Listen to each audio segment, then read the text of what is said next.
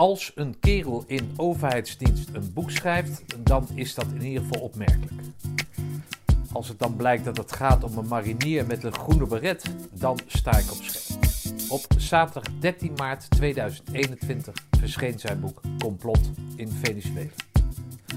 Lichting 84.3. Vandaag in de Mutstas podcast het levensverhaal van sergeant der mariniers buiten dienst en hoofdinspecteur van politie Ronald van Leeuwen. Sergeant de Mariniers buitendienst van Leeuwen. Marinenummer 035303. Registratienummer 6404 26 195. Vandaag zit ik in Den Haag, mijn eh, geboortestad. Ik zit tegenover, ik heb net aan hem gevraagd, een rashagenees. Wel een tijdje weg geweest. Maar nu weer terug op het, eh, op het oude honk. En eh, deze kerel waar ik tegenover zit, die, eh, er is nogal een grappige combinatie van, eh, van factoren binnen, binnen het format van de Mutstas. Het is namelijk een marinier, het is een commando en sinds kort mag hij zich ook schrijver noemen. Nou, stel je eens voor, zou ik zeggen. Ja, nou ja, bedankt voor je, voor je uitnodiging. Hartst- hartstikke leuk. Ja. Ik wist trouwens niet dat je ook eh, in Den Haag geboren was. Ja, ja, ja, want een Rode Ja. Kruisziekenhuis op de, hoe heet dat ook weer? Laan van Middenvoort. Ja, Sportlaanlaaf. Oké, leuk. Ja. leuk. Ah, Sportlaan af. Sportlaan, ja, ja. inderdaad. Ja. Ja, Komen ja, we uit ja. dezelfde buurt. Ja. Maar daar ben je niet. Ben je daar ook geboren? Eh, nee, Westijnen ziekenhuis. Maar wel ja. opge- opgegroeid. eh eh Ja. ja, Gouden. Ja, vlak, ja, vlak. ja, Dus, dus, ja. dus. Leuke, leuke bekende wijk. Ja, als ik in Den Haag ben, rijd ik ook altijd langs, langs het Rode Kruisziekenhuis. En dan zeg ik tegen iedereen die naast me zit, kijk, daar is nou, eh, daar is nou gebeurd. Leuk, ja. Dus nou, ik kom inderdaad uit Den Haag. Eh, 56 eh, lentes jong, zeg ik altijd maar. Gehuwd en twee opgroeiende kinderen. Dochter van bijna 11 en een zoon van bijna 15. Eh, ja, ik werk, ik werk bij, de, bij de politie. Na, na 18 jaar defensie had ik het daar gezien en ben ik overgestapt. Kon ik goed instromen bij politie Haaglanden. Daar een periode gezeten. Daarna politieonderwijs ingegaan. Veel internationaal gewerkt vanuit de politie. En nu werk ik ook weer op een internationale afdeling. Dus, Oké, eh, 18 jaar eh, defensie. Ja. Eh, is dat, eh, dat zaadje vroeg geplant al? eh, dat- dat, dat naar Ja. defensie willen? Wilde jij soldaat worden? Of ja, niet? Ja, ja, meen je ja, niet, hè? Ja. ja, ik was eh, een jaar of zes, zeven. En toen had je de Vietnamoorlog. En, en eh, dat, ja, hoe afschuwelijk ook, maar dat inspireerde me toch wel. En, en eh, mijn vader moest met mij naar de dump. In de Boekhorststraat. Ja, Boekenstraat. Boekhorststraat, ja. Ja, ja. En, en, en daar kocht ik natuurlijk een helm en een, en, een- en, een, en een koppel en een veldflesje. En dan ging ik, eh, ging ik oorlogje spelen in het, eh, in het Zegboekpark. Dus ik, ik, en ik, had altijd, ik heb altijd al gezegd, ik wil militair worden. En ja, na de middelbare school, en ik was 16 jaar, toen ging ik naar, eh, ik had al wel zoiets, ja, als ik militair wil worden, wil ik wel, wel een echte militair worden. Dus Echte wil, militair is wat, dat, wat is dat? Dan wil je commando worden of zo? Of wat wil je dan worden? nou, dat lag voor mij net, net, net iets anders. Nee, dat was zeker in beeld. Alleen weet je, ik wilde, ik wilde ook meteen beroeps worden. En, en ik wilde graag naar, eh, naar de mariniers toe. Ik had Wat ook zeiden je ouders daarvan dan? Nou, die vonden dat eh, niet zo'n goed plan. waar- uit wat voor, wat, voor, wat voor nest kom je? Ehm, katholiek gezin, niet, Ja. niet streng katholiek, Eh, maar wel, wel een beschermd, beschermd milieu. En mijn vader eh, eh, eh, is Indië-veteraan. Oké. En, en toen, toen werd dat niet gediagnosticeerd en behandeld, maar ik durf wel te zeggen dat hij eh, echt zware PTSS heeft gehad heel zijn leven. Oké. Eh, ik ben opgegroeid als kind met een vader die elke nacht eh, gillend wakker werd. Oh, ja. Eh, ja, wij vonden dat, ik vond het normaal, tussen haakjes dan. Hè. En ik werd er wel een beetje wakker van, maar, maar ja, het hoorde erbij. Hij was trouwens nooit agressief of iets, maar ja, in zijn dromen gilde hij. En was hij moe, was het soms wel drie keer per nacht. En ik weet nog wel, als ik als kind dan logés thuis had, vriendjes, die bleven slapen. Ja, die waren doodsbang. Die kenden dat Ja. natuurlijk niet. En ik reageerde dan, joh, mijn vader, die, eh, die doet, dat elke nacht. Hoe oud was je vader toen hij eh, naar Indië ging? Ja, weet je, de Tweede Wereldoorlog was net afgelopen. Ja. Dus mijn vader was, eh was 20, 19 of 20, ja, ik denk net 20 toen hij Ja. naar Indonesië ging als dienstplichtig soldaat. Ja, ongelooflijk. Ja, weet je, en die, die, mannen toen die werden natuurlijk slecht voorbereid. De Tweede Wereldoorlog was net geweest. Ja. Dus die heeft het daar niet, niet best gehad. Heeft ook nooit veel over willen vertellen. Dat was Jammer. gevraagd, dat was gevraagd. Ja, zeker, zeker. Ja. Alleen eh, helaas zijn zowel mijn vader als moeder jong overleden. Dus, dus, dus de leeftijd dat, dat ik daarover wilde praten, wa- ja, waren ze eigenlijk niet meer. En zeker toen ik bij de mariniers ging, eh, ja, daar natuurlijk wilde ik dat wel. En dat heeft natuurlijk nog wel meegemaakt. Maar eh, echte gesprekken daarover hebben we niet gehad. Dus toen ik 16 was en toen ik zei, ik wil naar, naar het Korps Mariniers. Nou, mijn ouders hadden eerst zoiets van, ah, dat gaat je toch niet lukken. En je bent nog te jong. En ja, het lukte me wel. Ik kwam door de keuring heen. Het was een zware keuring toen, de Hollandse Rading.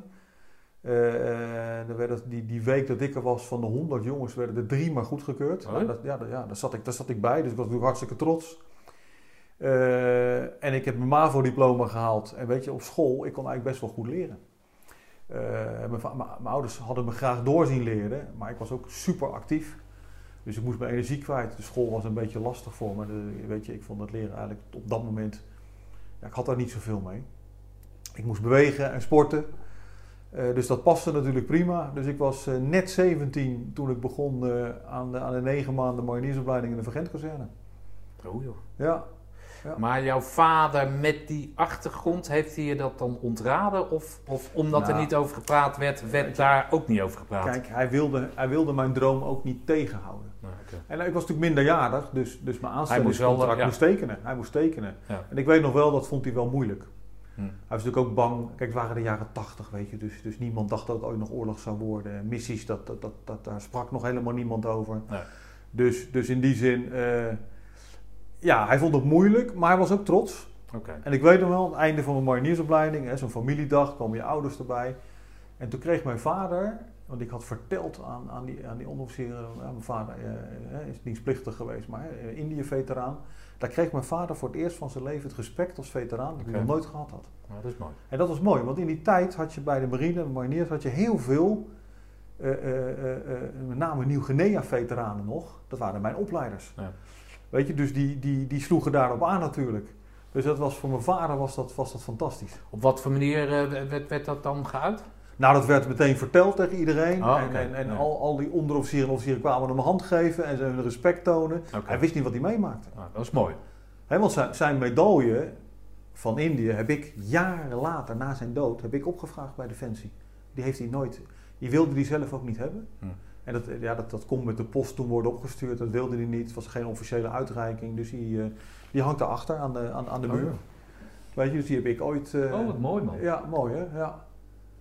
Ja, Oh, wat schitterend. Ja, ja. ja een lijstje zie ik. Ja, De grote en de kleine uitvoering. Oh nee, de grote ervan en dan de... de, de baton. ja, de baton inderdaad. Ja. Oh, wat prachtig joh. Ja. Had hij er trots op geweest als hij dat eh, in, in, bij het leven had ontvangen? Ehm, Of gegeneerd? Of, of wat, wat voor... ja, weet je, hij stopte dat weg. Maar ik denk Ja. dat, tuurlijk was hij ook wel trots. Tuurlijk. Nou, ik heb laatst dat programma gezien. Ik heb het nog niet helemaal afgekeken over die Indie-veteranen. Ja. Die eh, door Koen van Brakel werden geïnterviewd over wat daar nou eigenlijk allemaal gebeurd is. Ik en dat, gezien, dat nou, wat jij vertelt, wat ik zelf ook ken, mijn ouders zijn geen Indie-veteranen, maar komen uit Indië. Dat eh, die mensen echt 100 jaar na dato erover vertellen en dat niemand daar weet van had. Nee. Dus daar was jouw vader natuurlijk dan ook Ja. exponent van. Ja, het was natuurlijk de zwijgende generatie hè, die eh, terugkwamen. Maar Ja. weet je, ik denk niet dat mijn vader daar dingen gedaan heeft zelf die, eh, die niet hadden gekund, denk ik. Dat zie ik, Nou, dat ken, ik ken voor ik de man, daar ken ik de man voor. Dat, dat was een hele, hele zachtaardige man. Maar ik denk wel dat het hem als jonge soldaat heel veel gedaan heeft. Wat, Hmm. hij, wat hij gezien heeft, denk ik. Oké. Maar nog, dat zal ik nooit, nooit helemaal Nee. weten. Waar zijn ze aan overleden als? Kanker. Allebei? Ja. Jeetje. Ja. God. Ja, ja, als twintiger ben ik ze helaas allebei... eh, Kort na elkaar dan of zo? Eh, eerst mijn vader en, en binnen vijf jaar mijn moeder. Oh joh. Ja, ja, ja. Maar ja, wel mooi dat ze dan samen ergens zijn waar ze dat dan eh, hopelijk... eh, Nou, zeker. Met elkaar Ja, dat, blijven, dat, toch? dat denk ik wel. Ja. Ja. En weet je, het is lang geleden, hè, het leven gaat door. Eh, wat ik wel eens jammer vind, dat mijn, mijn kinderen nooit, Ja, nooit de opa en oma. Dat, dat, eh, Ja. dat, daar denk ik wel eens aan, op verjaardagen en dergelijke. En, Ja. en- Maar Ja. goed, die, die, die medaille van je vader hangt vrij prominent, of vrij Zeker. prominent. ja, zeker. Worden daar, hebben ze daar wel eens vragen over? Zeker. hebben ze het wel eens Ik- gevraagd? wat ik weet, probeer ik echt wel door te geven en te vertellen. Ja. Ja. Ja, mooi man. En ik weet je, ik, hij was 20 jaar toen hij eh, naar de tropen ging. In een oorlogssituatie. Ik was 20 jaar toen ik naar de tropen ging. Ja, niet in een oorlogssituatie. eh, maar wel ook als militair uitgezonden. Dus, dus ja, die link heb ik, heb ik wel eens gelegd natuurlijk, ook Ja. voor mezelf. Ja. Na de opleiding ging jij meteen naar de tropen? Nee. Nee, ik was, eh, ik weet nog wel, eh, ik was nog 17, nog net 17, na die mariniersopleiding van 9 maanden. Eh, en je mocht pas operationeel geplaatst worden als je 18 was. Dus ik weet nog wel, er was een sergeant bouillon van het hoofdkwartier, die kwam dan vertellen wat je, wat je zou gaan doen. Na je opleiding. En hij zegt, en mensen die het daar echt niet mee eens zijn, die mogen blijven zitten. Nou ja, bij de mariniers niet mee eens zijn, weet je. Je, je kreeg gewoon opdracht en, je, en dat moest je gewoon uitvoeren. Ah.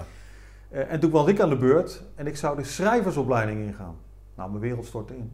Ik denk, ja, ik ben marinier geworden, ik ga geen schrijver worden. Voor, voor, voor, voor mij en voor de anderen ook, wat is een ja, schrijversopleiding? kijk, nu schrijf ik een boek. ja, ik wou dus, eh, zeggen, maar eh, De contradictie. had het nou maar wel gedaan. Ja, nee, maar weet je, nou ja, dan, dan, dan ja, hè, noemden we dat. Dan, eh, dan werd je ergens geplaatst om, om alles uit te tikken, wachtlijsten, eh, eh, eh, nou ja, noem, noem maar op. Ondersteunende functie. Een ondersteunende functie. Hm. Dus eh, ik bleef als enige zitten in een zaal van 60 eh, jonge gasten. Ja. En, en, en die Jean Bojork, die zei, hij zei, ja, maar ja, eh eh, marinier van Leeuwen, je hebt eh, je MAVO-diploma, je hebt een typediploma, had ik, had ik ooit gehaald. Hij zei, ik, hij zei ik, vind, ik vind dat wel passen, je bent hartstikke jong. Ik zei, maar joh, met alle respect, ik ga die opleiding niet in. Ik zeg, dan, dan ga ik weg bij het korps. Ik zeg, ik ben marinier geworden, ik ga geen schrijver worden. Eh, nou, dat kon hij waarschijnlijk toch wel waarderen. En dat was natuurlijk voor mij ook wel. En, maar ik, het zat me zo diep, weet je wel. Dus ik, ik denk, ja, het was niet nog eigenlijk gebruikelijk dat je dat soort dingen tegen een Nee. sergeant van het hoofdkwartier zei. Maar het zat zo diep. En, en toen keek hij me aan. Hij zegt, oké, eh, hij zegt, ik, eh, ik hoop dat je er geen spijt van krijgt. En toen werd ik bij de 11e Infanterie Compagnie als machtschutter geplaatst. Oké, even wat anders. Even wat anders. En ik heb daar nooit spijt van gehad. Tuurlijk het zijn het zware jaren geweest. Maar ik heb eh, toen twee jaar, ruim twee jaar operationeel gezeten. Bij de 11e compagnie, dus nu de para-compagnie. Twee keer de, de berg-wintertraining gedaan. Eh, met heel veel plezier daar gediend. Dat is een beetje koud weer getraind, Ja, hè? koud weer Dus dat, schildje met, dat, eh, met, Ja, dat, met die eiland, hè? Zo, wat is het? Heigend het. Heigend het. Ja, ja, het. Ja. Weet je, dus dat heb ik hartstikke leuke jaren gehad. Ook pittige jaren. Vierdaagse, eh daar werd je gewoon voor aangewezen. Nu loop ik hem gewoon voor de lol af en toe. Toen werd je, werd je aangewezen om de Vierdaagse te lopen gedaan. Parachutistenopleiding gedaan. En, en na die twee jaar ging, eh, werd ik geplaatst eh, op de Antillen, op Curaçao. En toen kon ik nog net daarvoor de commandoopleiding doen. En ik had al iets van vier, vijf verzoeken ingediend. Alleen er waren natuurlijk niet heel veel plaatsen voor ons toen. Dus eh, in principe moest je voorbestemd zijn voor een verkenningspeloton of voor de kickforce-opleiding. Eh, en dat was ik niet direct. Dus eh, ik had. Voor die opleidingen was het noodzakelijk. nou ja, dat was gebruikelijk. Oh, niet, niet, gebruikelijk, niet heel hard noodzakelijk, maar dan was het wel. eh, eh, je moest parachutist zijn, koud weer getraind. En, en ook liefst commando, moest je naar een verkenningspeloton. Ja. Dus ik had toen een verzoek ingediend. Ik weet nog wat ik erin had gezet van, om mijn inzetbaarheid voor het korps mariniers te vergroten. Ik had voor iedereen beter als ik gewoon commando word. dus ik wilde Ja. gewoon, en, en, en, en ik zou toen weer de Vierdaagse lopen en ik had net zo'n vooroevermars weer gedaan. Want ik denk, als ik er dan in ga, dan kan ik beter die vooroevermars de Vierdaagse gaan lopen. Dan heb ik al een beetje, een beetje extra gewandeld. Ja. En toen moest ik bij die personeelsofficier, ik zat toen in Rotterdam in afwachting op mijn uitzending. Hij zei, ja, ja, wat moet ik nou met dit verzoek? Ik zei, nou joh, het zou fijn zijn als u mij gewoon plaatst. Hm. Eh, ik zeg, dat kan nog net voordat ik naar de Antillen ga. Ja. Ik had het natuurlijk zelf helemaal uitgerekend. En eh, keek hij me nog eens aan. Hij zei één voorwaarde. Hij zei, als je het niet haalt, heb je echt een probleem. Ik zeg, ik zal het gaan halen. joh. Dus nou, toen werd ik geplaatst in de, in de, in de pre-commandoopleiding. Dat was drie weken voor ons in, eh, in Doorn. Dat waren zware weken. Dat waren drie selectieweken.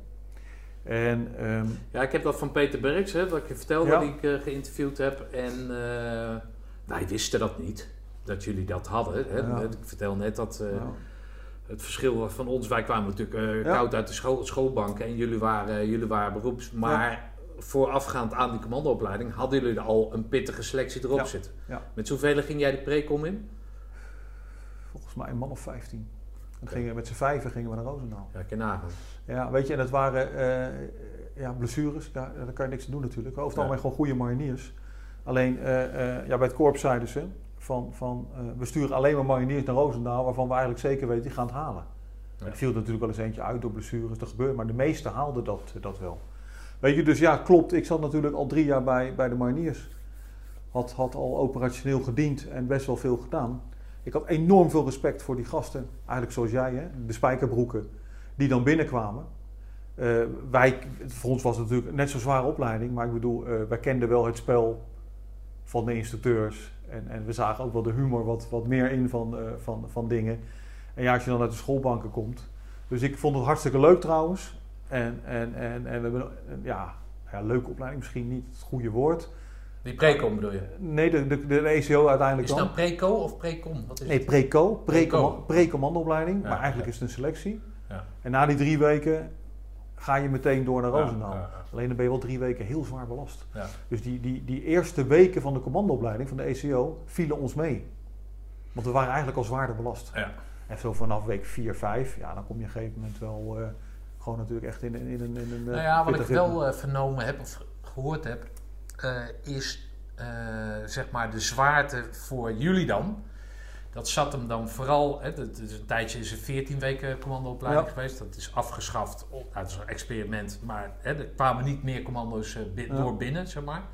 Maar er werd wel het vergelijk gemaakt met de mariniers, hè, dus die Ja. in principe 11 weken, dus meer tegen de Ja. 14 aan dan tegen de 8 aan.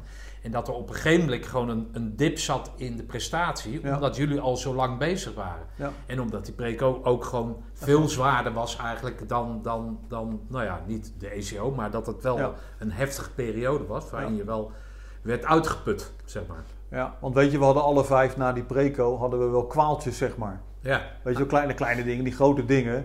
Dus, dus ja, we kwamen wel behoorlijk belast kwamen we al, eh, al Ja. aan. Maar nogmaals, weet je, eh, wij waren best wel veel gewend. Eh, eh, natuurlijk ook, ook de, de wapenopleidingen, weet je, was voor ons allemaal gesneden koek, Ja. zeg maar. Du- dus, dus het inhoudelijke van de commandoopleiding, dat hadden we allemaal al doorlopen.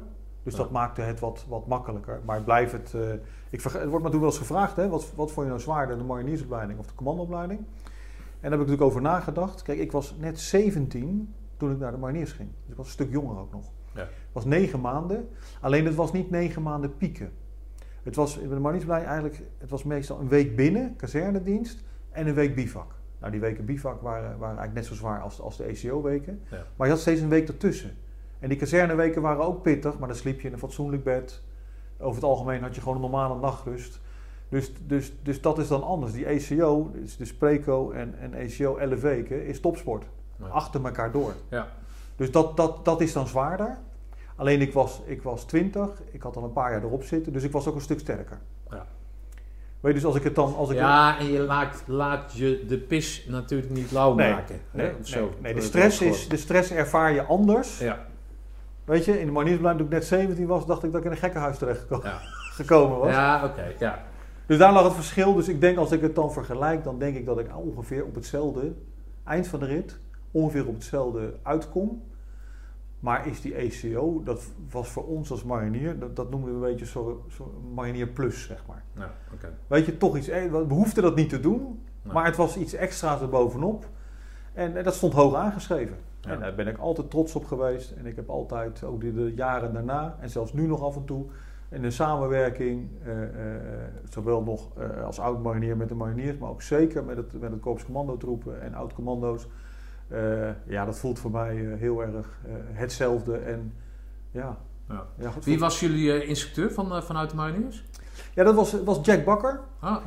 En dat was wel leuk, want hè, sergeant Bakker, Jack Bakker, die is later natuurlijk is die overgestapt van de mariniers Ja. naar de commando's. En als kapitein uiteindelijk is, die, is die daar afgezwaaid.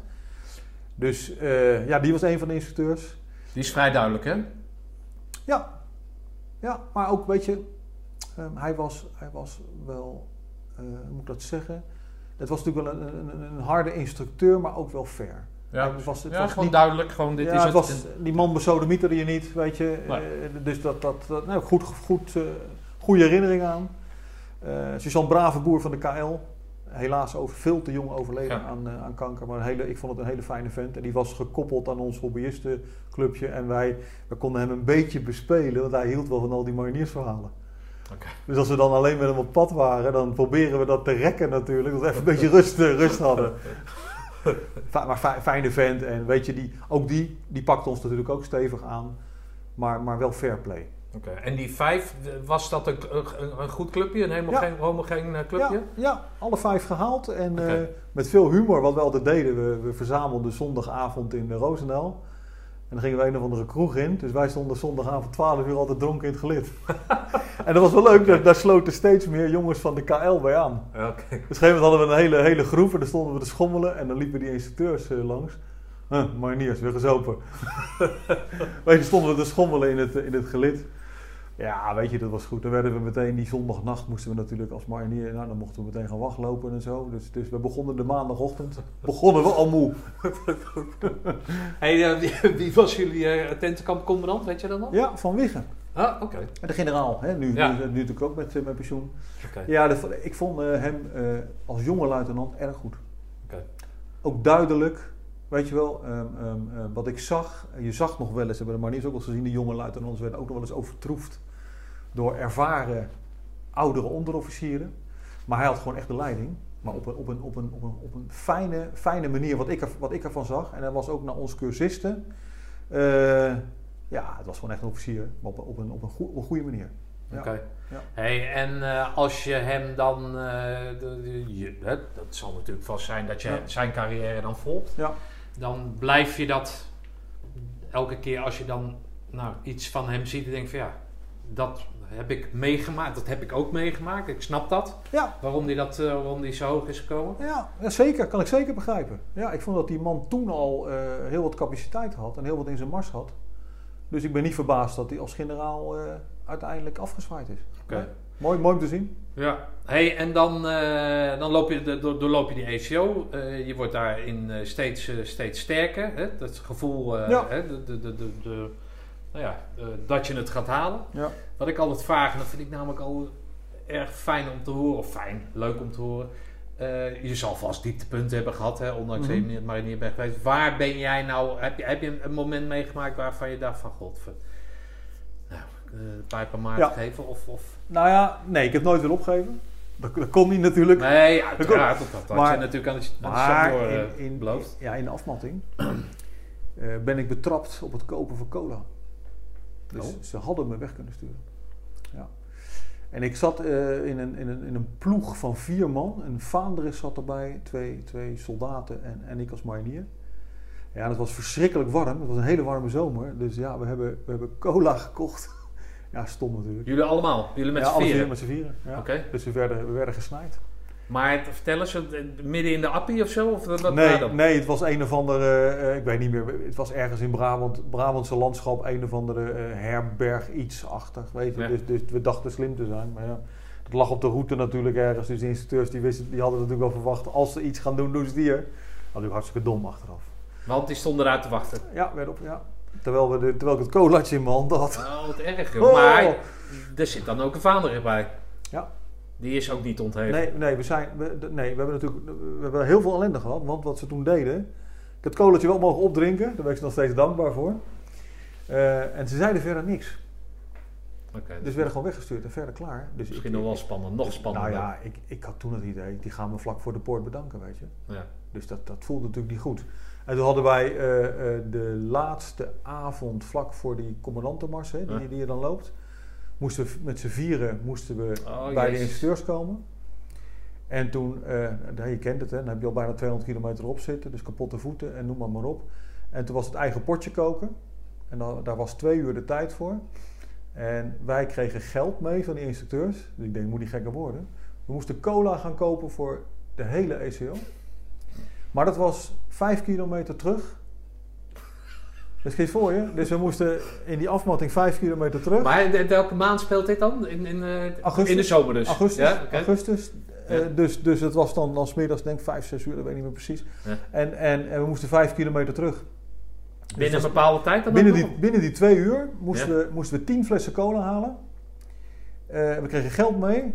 En als we dat niet zouden halen, was het einde opleiding. Oké. Ja, we waren natuurlijk oververmoeid.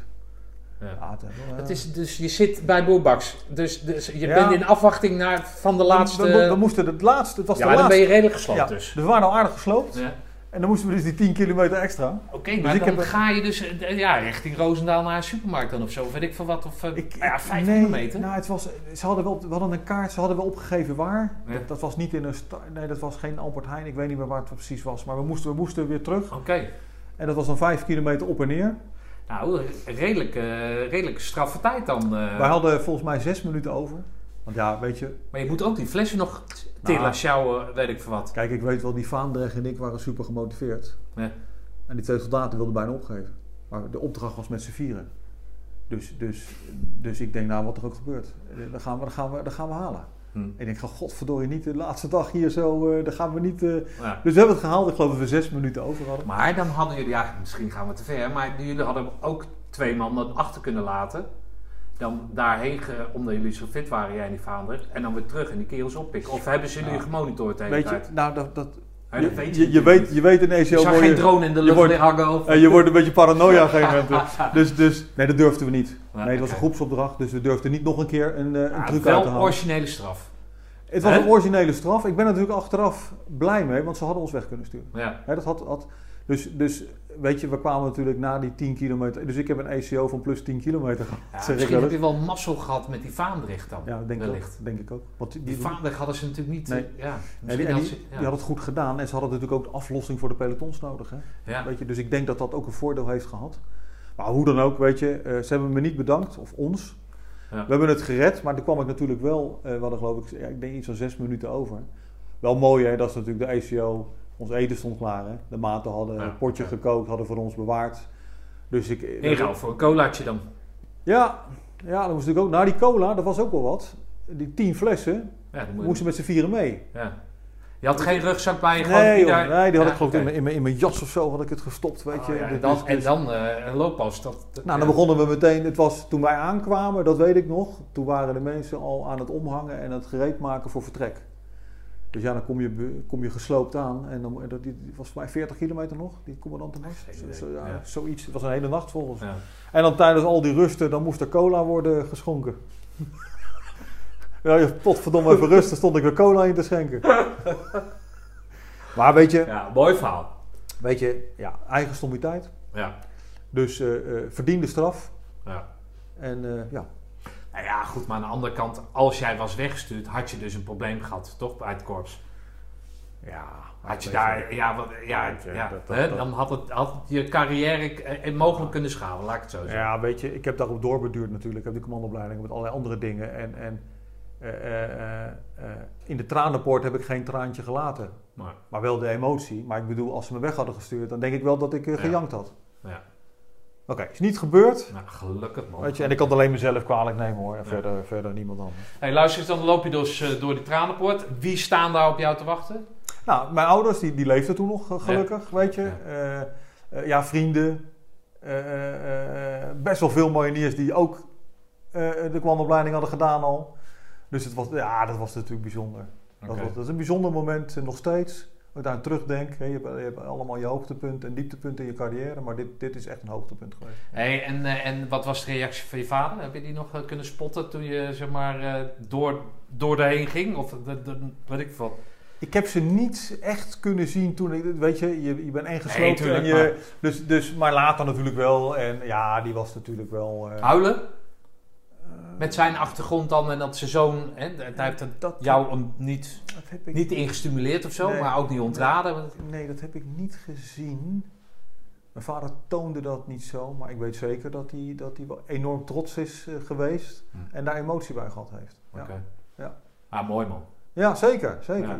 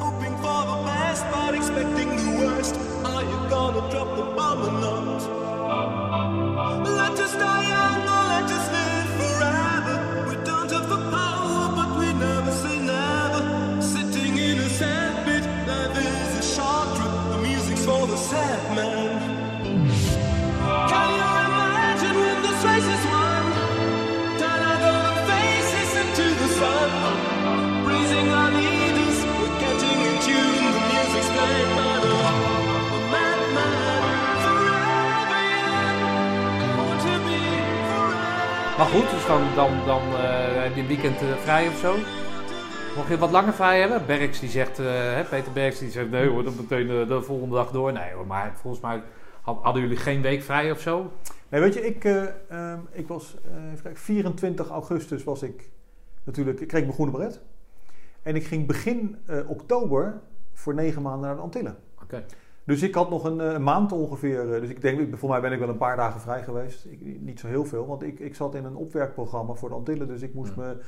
Eh, je had allerlei verplichte lessen volgen voor de tropen, vaccinaties, tropenkleding, eh, weet je, eh, allemaal dat soort dingen. Dus ik had nog een paar drukke weken. eh voor Verheug je je daar dan op, op zo'n Ja, zo'n ja. uitzending? Maar ja, vanwege, ja. De, vanwege de festiviteiten?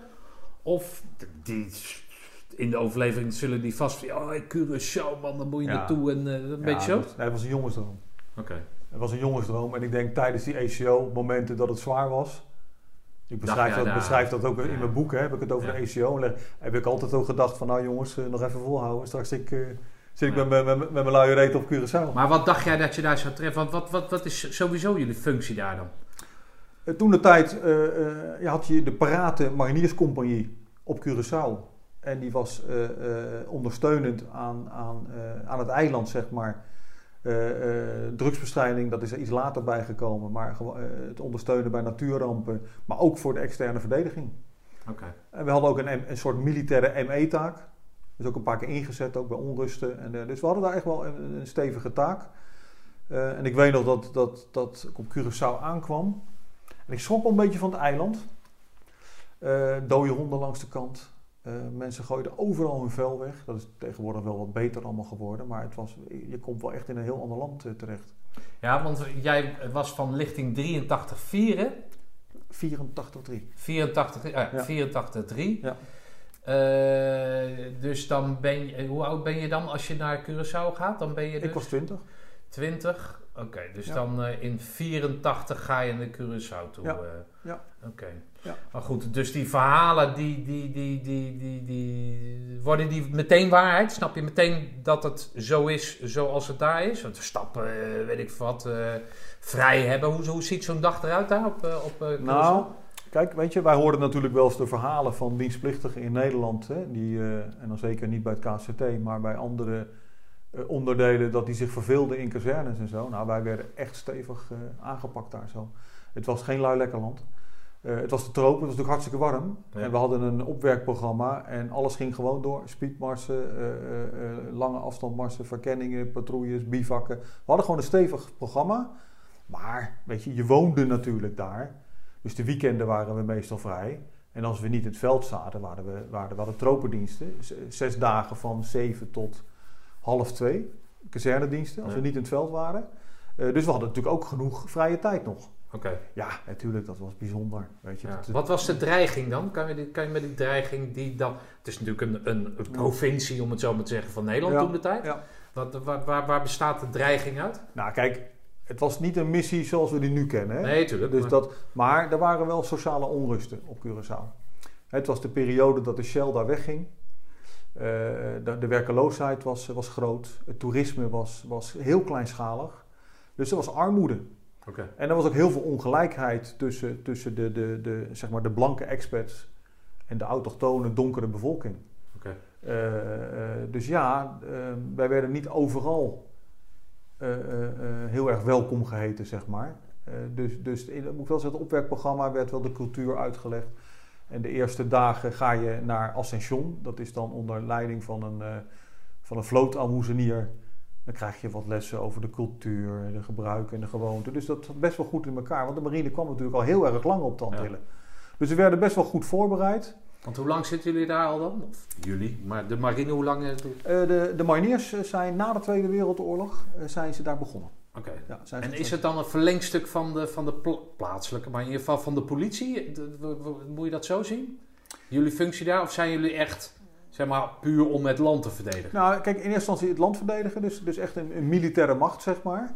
Maar ook ondersteunend aan, aan de lokale autoriteiten uh, als die het niet meer aankunnen. Hm. Dus we hadden natuurlijk allerlei oefeningen. Bijvoorbeeld, uh, uh, als de onrusten zouden komen, moesten een aantal strategische punten worden bewaakt. De, water, de watercentrale. Water was altijd een probleem. Zoetwater was een probleem op de Antillen. Dus, dus dat, lag, dat is een van de objecten. Dus ja, we hadden zeker een, eh, een, eh, een militaire taak. En dat werd natuurlijk door, door, door de pelotons die binnenkwamen. Je had een opwerkprogramma, dat was denk ik ongeveer twee maanden. En na die twee maanden moest je volledig operationeel inzetbaar zijn daar. Oké. Hey, werd je gezien als onderdrukker? Of, of wat, wat? Nee, zo heb, ik dat Nee? Niet, zo, zo heb ik dat niet ervaren. Over het algemeen was de relatie met de Antilliaanse bevolking was goed. Oké. Kijk, er waren wel... Dus respect voor het, eh, voor het, Koningshuis en, en eh, weet ik Jawel, wat. nee, ja? ja, nou, misschien is het daar nog wel groter dan, dan hier, denk ik. Ja, ik zie dat wel eens op tv. Ja, dan- zeker. Dan Nee, denk ik zeker. van, ja, waarom Zeker, doen zeker. ze dat? Weet je wel? Ja, ja. Nee hoor, weet je, eh, eh, ik heb eigenlijk altijd met Antillianen prima daar, daar gehad. Lieve, lieve mensen. Eh, je ziet wel verschil en Curaçaoenaar is wat afstandelijker. Het duurt wat langer voordat je echt contact krijgt. Hm. Arubaan is wat, wat dat betreft wat meer. Je ziet daar wel wat, wat, wat cultuurverschillen, ook op de eilanden. Maar ik moet zeggen, ik heb nog steeds eh Curaçaose vrienden van, eh, van toen. Dat zijn hele lieve, hartelijke mensen. Oké. Ja. Hey, eh, ja, dat wil ik eigenlijk vragen. Of je dat dan, of je dat dan dus hier in Nederland kan jij dat uit elkaar halen. Hè? Dat is Arubaan of dat is iemand van Curaçao. Ja. Qua doen en laten, Ja, qua... Ja, Arubaan is meer Indiaanse achtergrond, hè, is vaak iets lichter. Een Curaçaoenaar is vaak iets, iets donkerder. Ja, maar ook qua, qua gedrag, qua, qua weet ik wat. Ik, ik, ja, ja, niet meteen, hè. niet op de eerste. Ik ben Nee, geen, eh, geen specialist erin, maar op het moment als ik met ze praat, dan, dan kan ik al snel, eh, Ja. kan ik dat, eh, ja. Hey, waarop ik ben aangegaan bij jou is natuurlijk omdat je groene bret hebt gehaald. Natuurlijk omdat je marinier bent geweest. Als marinier groene bret bent, hebt gehaald. Maar ja, je hebt een boek geschreven. Ja. En dat boek dat vindt plaats, heeft zijn oorsprong in Curaçao. Ja. Eh, nou gaan wij natuurlijk dat boek eh, niet bespreken, want anders eh, ja, wordt dat boek natuurlijk niet, niet verkocht. Kan jij mij vertellen en mijn luisteraars waarom jij dat boek geschreven hebt? Waarom jij überhaupt een boek geschreven hebt? Ben je schrijver? Nee, want je hebt die schrijversopleiding niet gedaan. Het trok je niet. Meneer, ik ben marinier geworden niet om schrijver te worden en toch ga jij een boek schrijven. Kan jij daar eens wat over vertellen? Ja, ja. Kijk, ehm, dat verhaal heb ik altijd al een keer op papier willen zetten. Alleen eh, door allerlei persoonlijke dilemma's ook, die ik in het boek beschrijf, heb ik dat altijd afgehouden. Eh, en uiteindelijk, nu, na al die jaren, ben ik er klaar voor, of was ik er klaar voor, om, het aan papier toe te, eh, toe te vertrouwen. Ik vond het ook niet makkelijk, maar het voelt wel goed en ik ben enorm trots op wat het, wat het geworden is. Eh, en ik wil er iets over vertellen over de, over de opbouw van het boek. Ja. Het is geschreven vanuit verschillende invalshoeken. Het is ehm, mijn verhaal zoals ik dat toen beleefd en ervaren heb.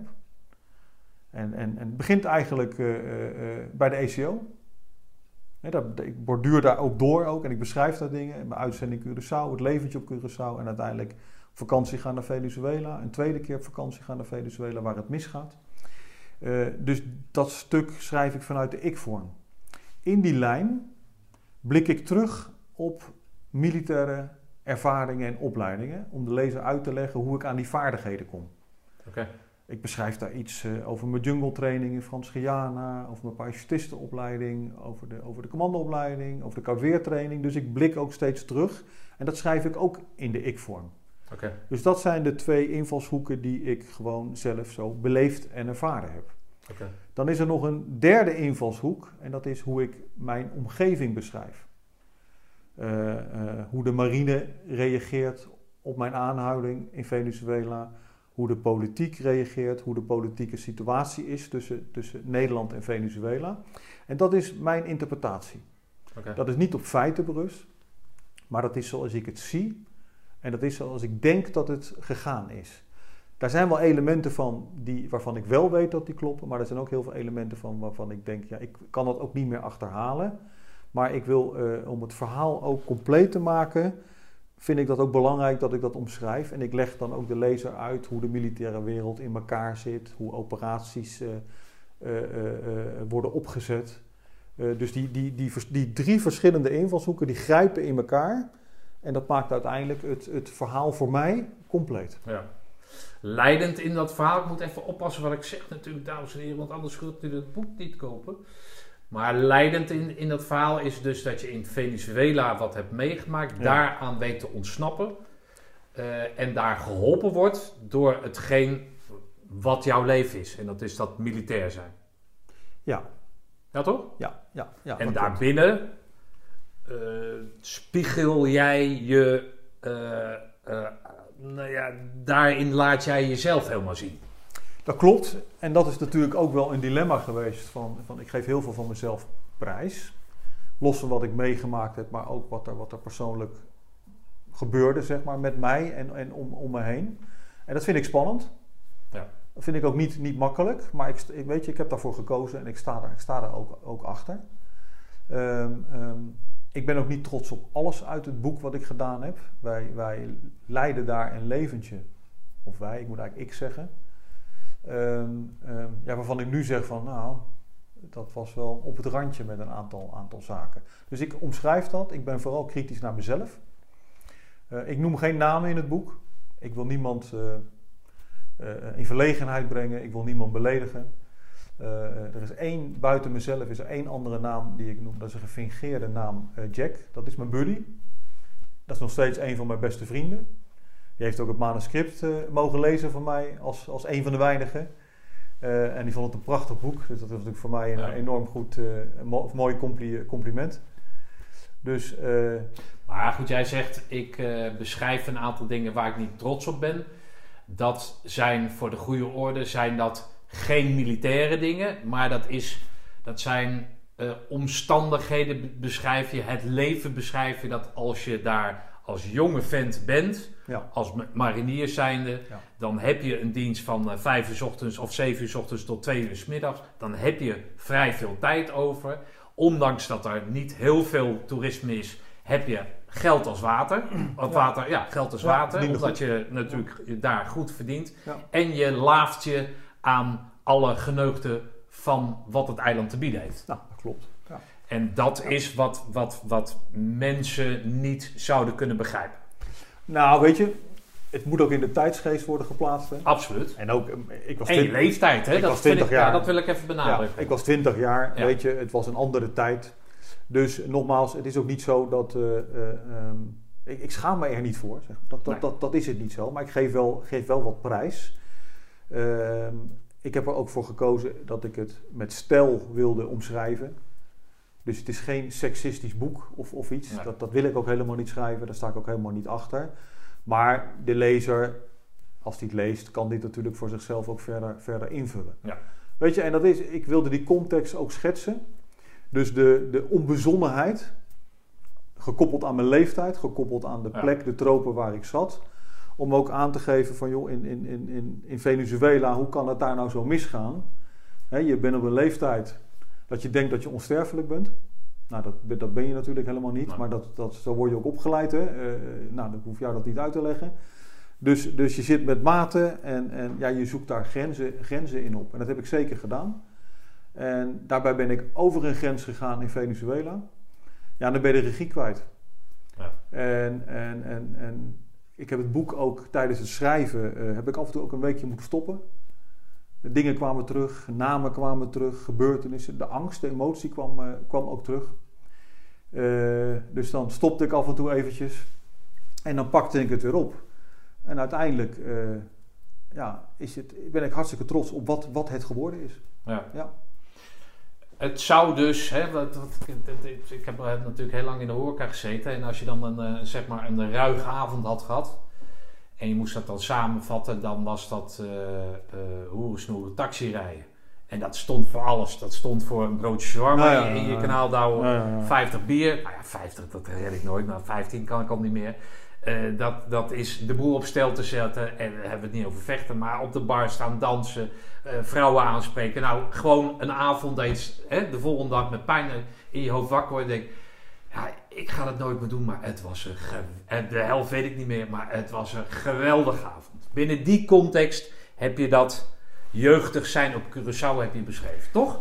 Ja, en dan in het kwadraat, zeg maar. En dan, ja, nou, natuurlijk altijd baas boven baas, maar daarom ben jij marinier ook. Nee, nee, nee. Nee, maar hè, Nee. dat, zo, Klopt. moet, zo moet de schrijver, of de, de lezer moet dat, eh, moet dat eh, ervaren. Ja, Of gaat dat zo ervaren. Ja, ja. En, en is, denk ik, hè, of dat heb je al aangegeven, zeer herkenbaar voor, voor andere lieden en, hè, die daar ook verpost hebben. Ja, ik denk dat het een feest van erkenning is voor, eh, voor veel mensen die daar gediend hebben. Waarmee ik niet wil zeggen dat iedereen op die manier eh, zijn leven leidde daar. Maar ja, ik wel.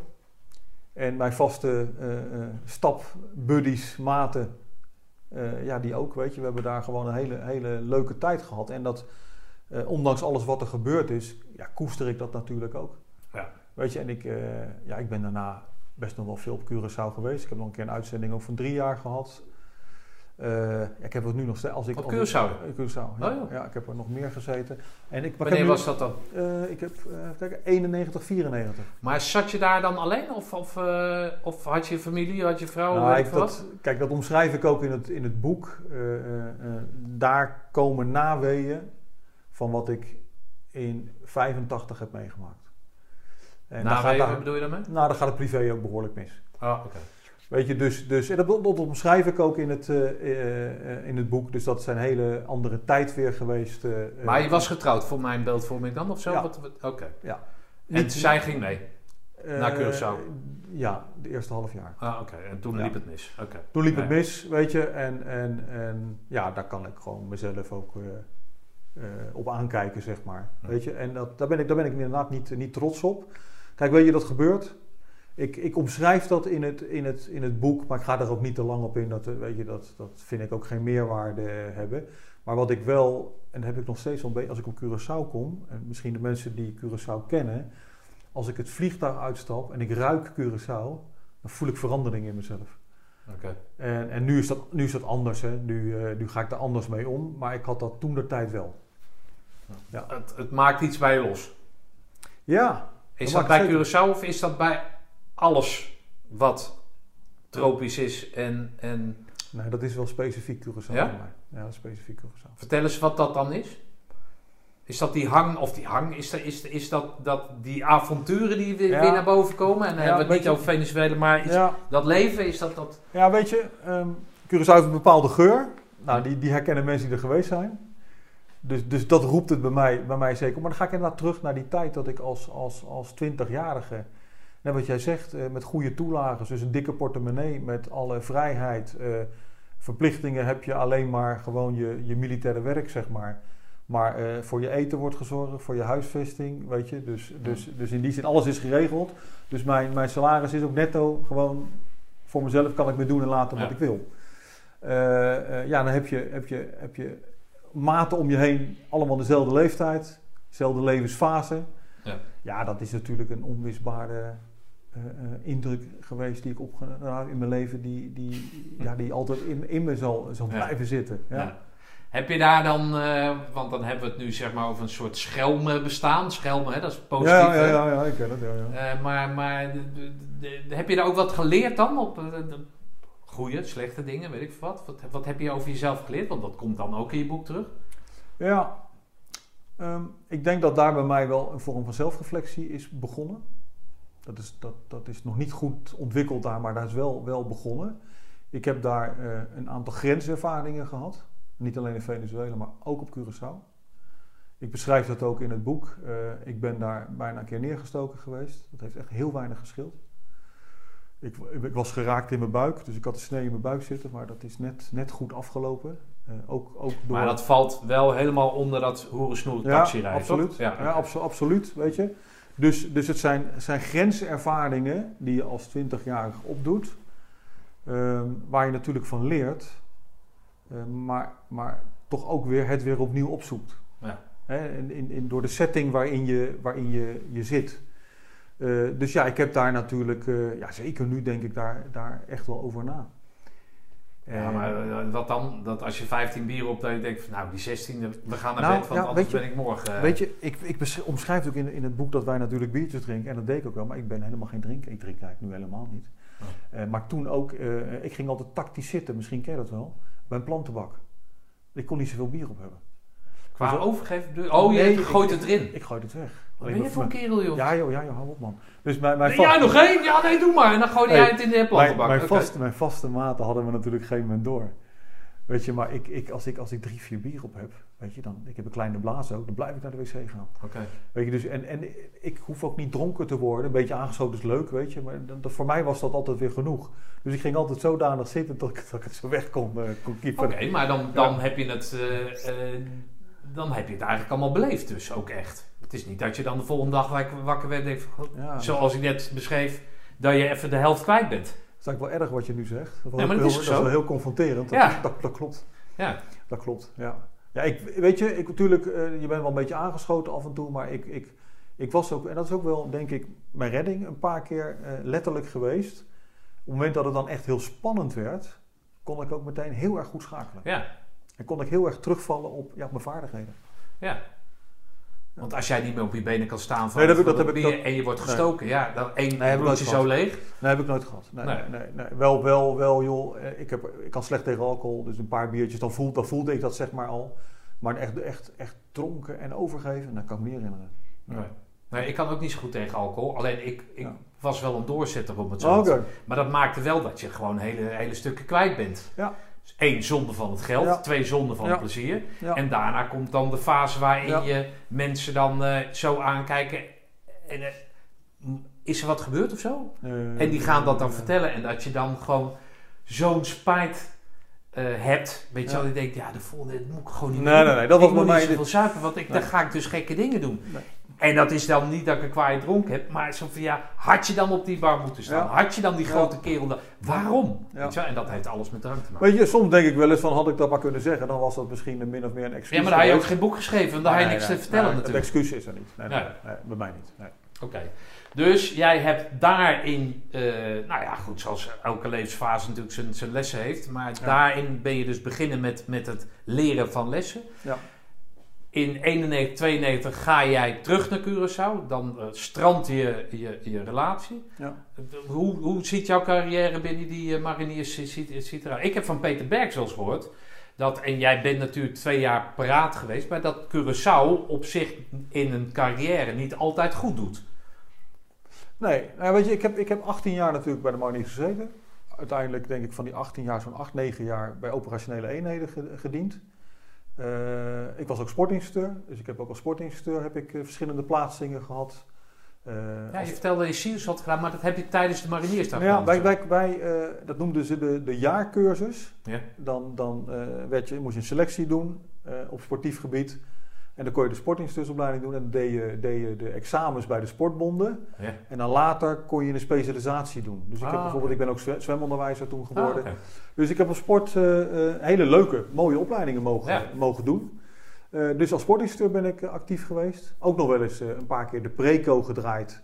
Voor weer jonge mariniers die de commandoopleiding in gingen. Daar gaf ik de sportlessen aan. Eh, dus ja, die 18 jaar, eh, ja, de Antillen, weet je, en dat is ook de reden, denk ik, geweest dat ik, dat ik na 18 jaar weg ben geweest. Ik, ik was altijd best wel ambitieus. Alleen toen de tijd bij Defensie zat je natuurlijk heel erg vast in rangen en in standen. Je moest zoveel jaar die rang, zoveel jaar die rang. En ik ben altijd een beetje ongeduldig geweest en, ik, ik, ik, ja, en ambitieus. Dus na die 18 jaar, ik, ik was sergeant van de mariniers. Had natuurlijk hartstikke leuke baan, hè, weet je, dus, dus eh, er is er niks mis mee. Maar ik merkte aan mezelf dat ook daar een, alles een herhaling begon te worden. En ik was gewoon echt toe aan iets anders. Dus na die 18 jaar heb ik ook op een gegeven moment de keuze gemaakt. Het is goed geweest en ik ga, eh, ik ga iets anders doen. Maar snakte jij dan naar actie in de zin van missies? Ehm, ja, ook wel. Kijk, ik ben nog van de Bosnië-tijd, zeg maar. Hè. Dat, waren, dat waren de missies toen. Ik heb eh, Cambodja helaas gemist. Dat heb ik altijd heel erg jammer gevonden. Want bijna het hele korps ging naar Cambodja. Alleen ik zat net in die jaren op de Antillen. Ja. Toen hebben wij nog met een groepje onderofficieren ons aangeboden om vanuit de Antillen naar Cambodja te gaan. Maar dat werd toch niet, eh, dat wilde het hoofdkwartier niet, eh, niet hebben. Eh, dus ik ben echt van de Balkan. En ja, wat, wat, dan, wat dan gebeurt, hè? Ik ben, ik ben, Vertel eens even, sorry, maar Ja. wat was er op de Balkan aan de hand? Als jij zegt Balkan, waar moet ik dan aan denken? Welke oorlog is dat? Of welk, welk conflict is dat? Ja, de Bosnië-oorlog. Ja. En ik ben eh, eh, ten tijde van het Dayton-akkoord, dus dat was eigenlijk net na de oorlog, ben ik daar, en dat was nog eh, heel erg rommelig en chaotisch in Bosnië, ben ik, ben ik daar ingezet als, als marinier. En dat voelde trouwens als de kroon op mijn werk.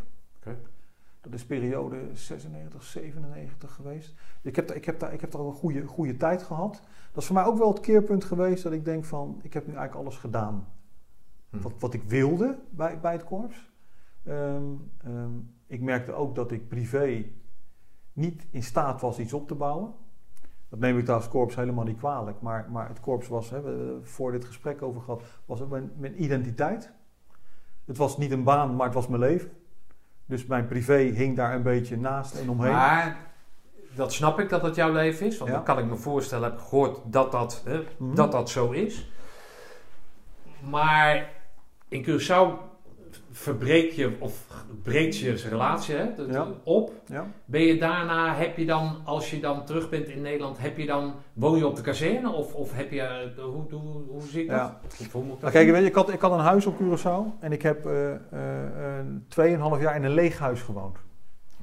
Weet je, ik had alleen een koelkastje en ik had een eenpersoonsbed. En ik heb toen een stereo, ik moest muziek hebben. Ik hou van muziek. Dus ik heb toen dat. En ik heb daar eh, heel hard gewerkt. Ik had het voordeel, ik was geplaatst als sportinstructeur. Ik was beheerder van marinezwembad. Dus ik had in die zin een, een, een makkelijke, makkelijke baan. Ik had geen, geen, geen velddiensten of, of iets, weet je, gewoon een sportinstructeur. Dus ik was ook elke middag, heel soms wel dienst of wacht, maar ik was, meestal was ik vrij.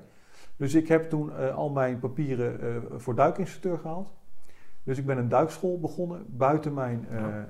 eh, werk als. Mag dat dan? Dus ik heb, ik heb eigenlijk eh, eh, heel veel, ik heb geloof ik 150 mensen opgeleid als duiker uiteindelijk. Grappig. Dus ik was, eh, ik werkte eigenlijk alleen maar. Hm. Dus ik was, ik middags om half twee was ik klaar. Dan ging ik eventjes met mijn auto naar een of andere juice mobiel waar ik lekker een vers drankje kocht en een broodje. En om twee uur zat mijn eerste duikgroep te wachten. En dan ging ik, ging ik duikles geven. Of ging dan, het was dan meestal de middag ging ik, maakte ik één, twee, soms drie duiken. S'avonds gaf ik theorieles eh, eh, duiken. En ja, dus mijn dagen waren helemaal vol met werk. Maar dat was het verdringen van, eh, van, van Nou, de ellende dan of zo? Wat, ik wat heb- was het? Financieel wel een ader later, later gedaan daar zo. Dus, dus In de zin van dat je de alimentatie moest betalen of wat? ja, ik had geen kinderen. Nee. alleen ik heb wel een hele zware alimentatie-eis gekregen. Nou ja, weet je, dat, dat was zoals het was. Het werd van je salaris ingehouden, dus ik leverde de helft van mijn salaris in. Hm. Eh, eh, maar oké, weet je, ehm, en ik wilde, en ik was al mijn inboedel kwijt. Ik had alles aan mijn ex gegeven in de zin, een soort afkoop, een soort schuld. Nu zeg ik van ja, dat had gewoon verdeeld moeten worden, maar weet je. Ik heb die keuze toen gemaakt, dus ik had ook helemaal niks meer. Je hoeft het niet te vertellen, maar lag het aan jou of lag het aan haar of lag het aan beide? Waar lag het aan? Aan mij. Oké, nou, duidelijk. Nee, ja, nee dat, lag, dat lag aan mij. En de verkeerde keuze ook, denk ik. Ja. Maar weet je, dat hoef ik verder niemand kwalijk te nemen dan buiten mezelf. Maar ik, ik wilde ook iets opbouwen. Dus ik heb, ben daar heel hard gaan werken. En ik heb daar heel veel gespaard. Eh, waardoor ik in Nederland eh, eh, prima in staat was, na die drie jaar, om weer mijn leven op te bouwen. Hm. Om een huis in te richten, om een auto te kopen. Een bed had je al en die koelkast had je ook al. Ja. Ja. Nou, dan heb je voor de rest. En, nou- en weet je, dat klinkt misschien raar. Toen het zover was, voelde ik me een gelukkig mens. Hm. Ik was opgelucht, het was gebeurd. Alleen de wijze waarop, nee, dat is... Ja, daar moet je je boek voor lezen. Ja, dat verdient niet de schoonheidsprijs. Daar ben ik niet trots op, maar het, het moest gebeuren. Oké, maar dan ga je naar Nederland. Mhm. Dan, ja, jij zegt inboedel, dus je was niet aan de kazerne geklonken. Nee, nee, nee, nee, nee, nee. Dus je had ook nog, je, je, je, je, je had een privéleven om het zo te zeggen. Eh, ja, alleen ik weet nog wel, eh, eh, toen zat, zat die tijd erop en toen, toen, toen kreeg ik door, ja, je wordt als sportinstructeur op de Vergentkazerne Rotterdam geplaatst. Maar ik had net als drie jaar als sportinstructeur gewerkt, dat wilde ik eigenlijk niet. Ik zei, ik, wil, ik wil naar een peloton, ik wil operationeel gaan, eh, gaan dienen. Eh, nou, dat kon toen omgezet worden. Er was een andere sportinstructeur die privé wat lastig zat, dus die, die kon op de Vergentkazerne geplaatst worden. En ik ging drie jaar naar het eerste Mariniersbataljon. En heb weer drie jaar daar gewerkt. En van daaruit Bosnië ook. En eh, weer de Koude Wat is het eerste marinierspeloton? Dat is? Nee, eerste Mariniersbataljon. Of bataljon? Dat is Ja, dat is gewoon de, de parate, parate bataljon in Doorn. Ik werd in Doorn geplaatst. En daar heb ik drie jaar met veel plezier gewerkt. Dus paraat betekent dat je in principe altijd elk moment van de dag Ja. ingezet kan worden. Ja. En dat kan, nou ja, zoals de, de, de spreuk luidt, dat kan over de hele wereld Qua zijn. pater orbis. Ja. Ja. Wat betekent dat ook weer? Zo wijd de wereld Oh ja, staat. zo uit de wereld strekt. Ja. Het is jammer dat je dat niet weet, maar oké. Ja, inderdaad. Nee, maar je ziet het overal. In, hè, Ja, al die ja. mariniers die sluiten toch af met dat... Met QPO. Die, ja, QPO, ja, ja, dat vind ik wel mooi. Ja, dat doen we inderdaad altijd. Ja, Ja, dat vind ik ja. mooi. Ja. Maar eh, eh, dat betekent, als je dan paraat bent, betekent dat dan dat als jij zeg maar elders woont, hè, van buiten de kazerne woont, Ja. dat je altijd iets van een pieper hebt of, of weet ik veel wat? Of, of dat je... Nee, in principe niet. Ja, soms, als er bij- bepaalde eh, eh, eh, situaties kunnen die worden uitgereikt. Maar meestal zit daar ook wel een voorspelling in. Weet je, je, je, je hebt gewoon je kazernediensten, je hebt je oefeningen. Ik was toen wel, ik denk zeker acht maanden per jaar, echt in het buitenland. Hm. Dus heel veel weg geweest. En ik had een flatje in, in Doren zelf. Ah, oké. Dus ik woonde vlakbij eh, bij de kazerne. En, en dat was prima te doen voor mij. Dus dat zijn, dat zijn voor mij prima jaren geweest. Hm. Ja.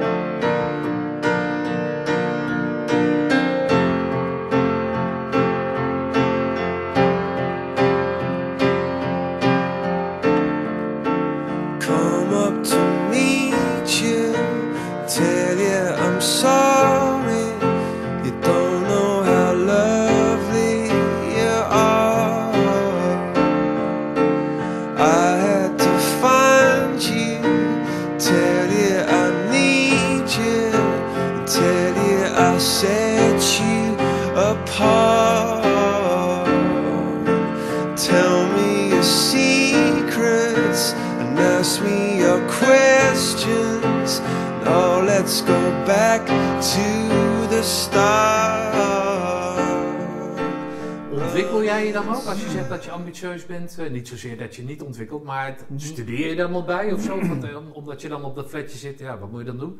Netflix was er nog niet. Nee, nee, nee, ik ben nooit zo'n tv-kijker ook trouwens geweest. Het Doorns Maar- eh, uitgaansleven ken ik, dat is ook niet heel spannend. Ja, maar Utrecht is niet zo ver. En, Ook wel weer en waar, Amersfoort. En, Nee, weet je, dus, nee, Eh, weet je, ik ben een sportman in hart en nieren. Dus, dus ik heb al heel veel gesport. Oké. Dus daar ging veel tijd in mij, eh, van mij zitten. Ik heb op sportgebied, op sportinstructeursgebied, eh, heel- veel leuke cursussen gevolgd. Eh, ik ben het judo en jiu weer later op gaan pakken. de eerste dan gehaald. Dus ik heb van alles, van alles gedaan. Ik ben pas gaan studeren nadat ik bij de politie ben gegaan. Toen kreeg ik de gelegenheid om te extern te mogen gaan studeren. Dan heb ik dat gedaan. Maar in die marnierstijd, weet je, dat, dat lag ook wat lastiger. hè. Je werd wel in een, in een soort patroon gezet. En ik kon wel, eh, ik heb heel veel opleidingen mogen doen dan binnen de militaire wereld. Maar echt extern studeren. Je had ze trouwens wel hoor. Er zijn er wel geweest die dat gedaan hebben. Maar dat, dat was niet zo vanzelfsprekend. Maar jij zegt dat je tegen, nou dat zeg je niet, maar zo vertaal ik dat, tegen de grenzen van het systeem aanliep. Hè, omdat je ambitieuzer was Mhm. en omdat je in die rol zat. Ik heb van Mhm. Berks ook weer gehoord. Het zat er gewoon overval, overvol Ja. in de rangen, dus Ja. het was moeilijker omhoog gaan. Ja. Eh, wilde jij dan niet, had je niet die ambitie, hè, nou, je ging naar buiten kijken, maar was er niet iets van ik wil officier worden, ik weet niet of dat dan mogelijk is binnen zo'n organisatie. Of ik wil eh, overstappen naar de landmacht. Of, hoe, hoe zag jou, hoe, toen je eenmaal daaraan toe was, om naar buiten te kijken, of in ieder geval verder te kijken dan de poorten van de, van de, van de korps. Wat, waar, waar, ging, waar ging jouw interesse eh, heen? Ja, nou ik denk daar wel eens aan terug. Hè. Ehm, ik heb enorm goed afscheid gehad bij het korps. Eh, bij de generaal Klop. Eh, ik was natuurlijk onderofficier, ik was een van de jongere onderofficieren. Eh, die, ik ben zelfs even de jongste geweest nog toen ik corporaal werd. En die nodigde mij uit. Die wilde praten over mijn ontslag. En generaal Klop, voor mijn beeldvorming, wie is dat? Dat was de, de commandant Korps Mariniers in, in, in, in 2000 toen ik wegging bij, bij de Mariniers. Ik heb een ontzettend goed gesprek met die man gehad. En die had mij Die inviteerde jou. Die, Ja, die ontbood jou zo van, Ja, eh, ik heb ja. gezien dat jij ontslag Ja, neemt. ja. En, weet je, en weet je, het was ook de laatste keer in mijn Barathea met net de uniform. Dus dat was voor mij ook wel een emotioneel moment. Ja. En ik was enorm vereerd dat ik uitgenodigd werd. Maar mijn keuze stond trouwens vast hoor. Maar toch, dus ik, ik, ik werd met alle ega's werd ik daar eh, in het hoofdkwartier Rotterdam, toen nog daar, werd ik eh, ontvangen. Een plakje marinecake en, en een kopje thee geloof ik heb ik gekregen. En, en, en een uur bij hem gezeten. En hij vroeg ook aan mij van, eh, van joh, ik heb, eh, ik heb je dossier gelezen en, en ik vraag me af, waarom ga je weg? Er ligt hier voor jou nog een, een hele toekomst ligt er, ligt er voor, je, voor je open. Hij zegt, ik ben een van mijn jongste onderofficieren. Je hebt heel wat, eh, wat opleidingen gedaan. Ik ben heel benieuwd waarom je weggaat. Nou, ik heb, dat, ik heb het hem kunnen uitleggen, die ambitie. En toen heeft hij zelfs tegen me gezegd van... Wat zou het korps moeten doen om jou te behouden? Was natuurlijk, ik twijfelde op dat moment natuurlijk wel een beetje. Maar ik, eh, ik had op mijn keuze echt wel, echt wel gemaakt. Maar, wat heb je daarop geantwoord dan? Ik heb gezegd, generaal, ik voel me enorm vereerd dat u dat aan me vraagt. Maar ik heb echt mijn keuze gemaakt. En toen... eh, Maar als je hem nu, sorry dat ik je onderbreek, maar Ja. als je hem nu zou moeten vertalen in de zin van wat je toen tegen de, de generaal had kunnen zeggen of willen zeggen, Wat hadden zij? Je draait terug, die brief is nog niet geschreven. Hij Ja. komt in een eerder moment naar je toe. hey, hoe Ja. gaat het? Eh, ik zie dat je... Ja. Vertel mij nou eens wat ik moet doen om jou te helpen dat je hier blijft. Wat, wat had dat moeten zijn dan? Nou ja, weet je, ik ben, ik ben vier, jaar la, vier, vijf jaar later echt gaan studeren, zeg maar. Ik denk dat ik er toen nog niet helemaal klaar voor was. Ehm, ehm, maar eigenlijk denk ik wel eens aan terug van, van misschien had ik, had ik dat moeten zeggen. Van joh, mag ik gaan studeren? Maar studeren op wat voor gebied dan? Nou, dan had ik, ik, had, ik, had, ik had denk ik toch heel graag mijn, mijn HBO-diploma willen, willen halen toen de tijd. Eh, eh, veiligheidskunde. eh, ik heb uiteindelijk psychologie gestudeerd. Organisatiepsychologie. Maar ik, ik, ik, ik denk dat ik daar toen toch nog niet helemaal klaar voor was. Maar terugdenkend had ik dat misschien wel voor elkaar kunnen krijgen als ik dat aangegeven had. Maar wat was daarin dan jouw doel? Met een studie die nog niet verder bepaald was. Maar wat Ja. was jouw doel dan? Was, wilde je officier worden? Of wilde je een kantoorbaan? Of, of, of wilde je naar het buitenland? Wat, wat, wat had dat dan moeten zijn? Nou, ik, had, ik heb altijd internationale ambities gehad, dus dat zeker. Weet je, ik, ik had niet zozeer van ik moet officier worden, dat had ik niet. Ehm, maar ehm, ik ben wel iemand die zich redelijk snel verveelt als ik te lang hetzelfde doe. Hm. Dus ik heb prikkels nodig. Als ik, ehm, eh, eh, en ik was toen denk ik te lang al als onderofficier. Eh, en een leuke baan, weet je, ik heb, ik heb altijd met volle overgave de baan uitgevoerd. Maar ik voelde ook aan mezelf, van, ik denk wel dat ik meer aan kan of dat ik meer wil. Hm. Alleen ik was nog niet goed in staat om aan te geven, ja, wat dan precies?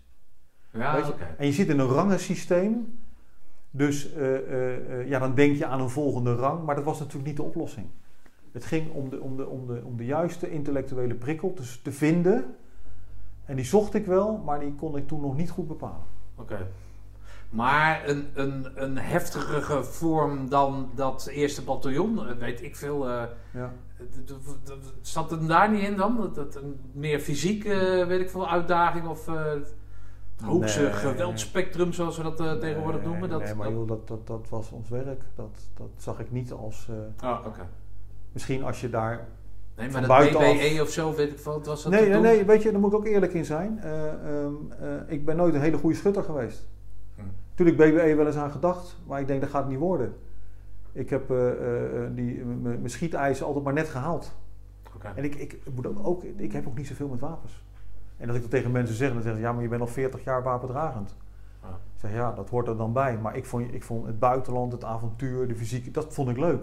En wapens, ja, die hoorden er dan wel bij. Maar dat is niet iets waar ik... eh, Ik was niet echt... Ik heb al wat wapenspecialisaties gedaan.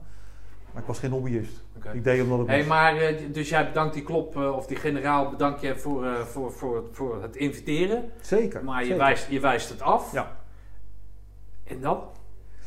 Nou, ik weet nog wel dat ik met tranen in mijn ogen het hoofdkwartier verliet. Dat meen je niet. Ja. ja. Want ik voel nog steeds emotie als ik aan terugdenk. Ja? Ja, weet je... Omschrijf eens, wat, wat is ehm, dat dan? nou, ik voel het zelfs nu, hè.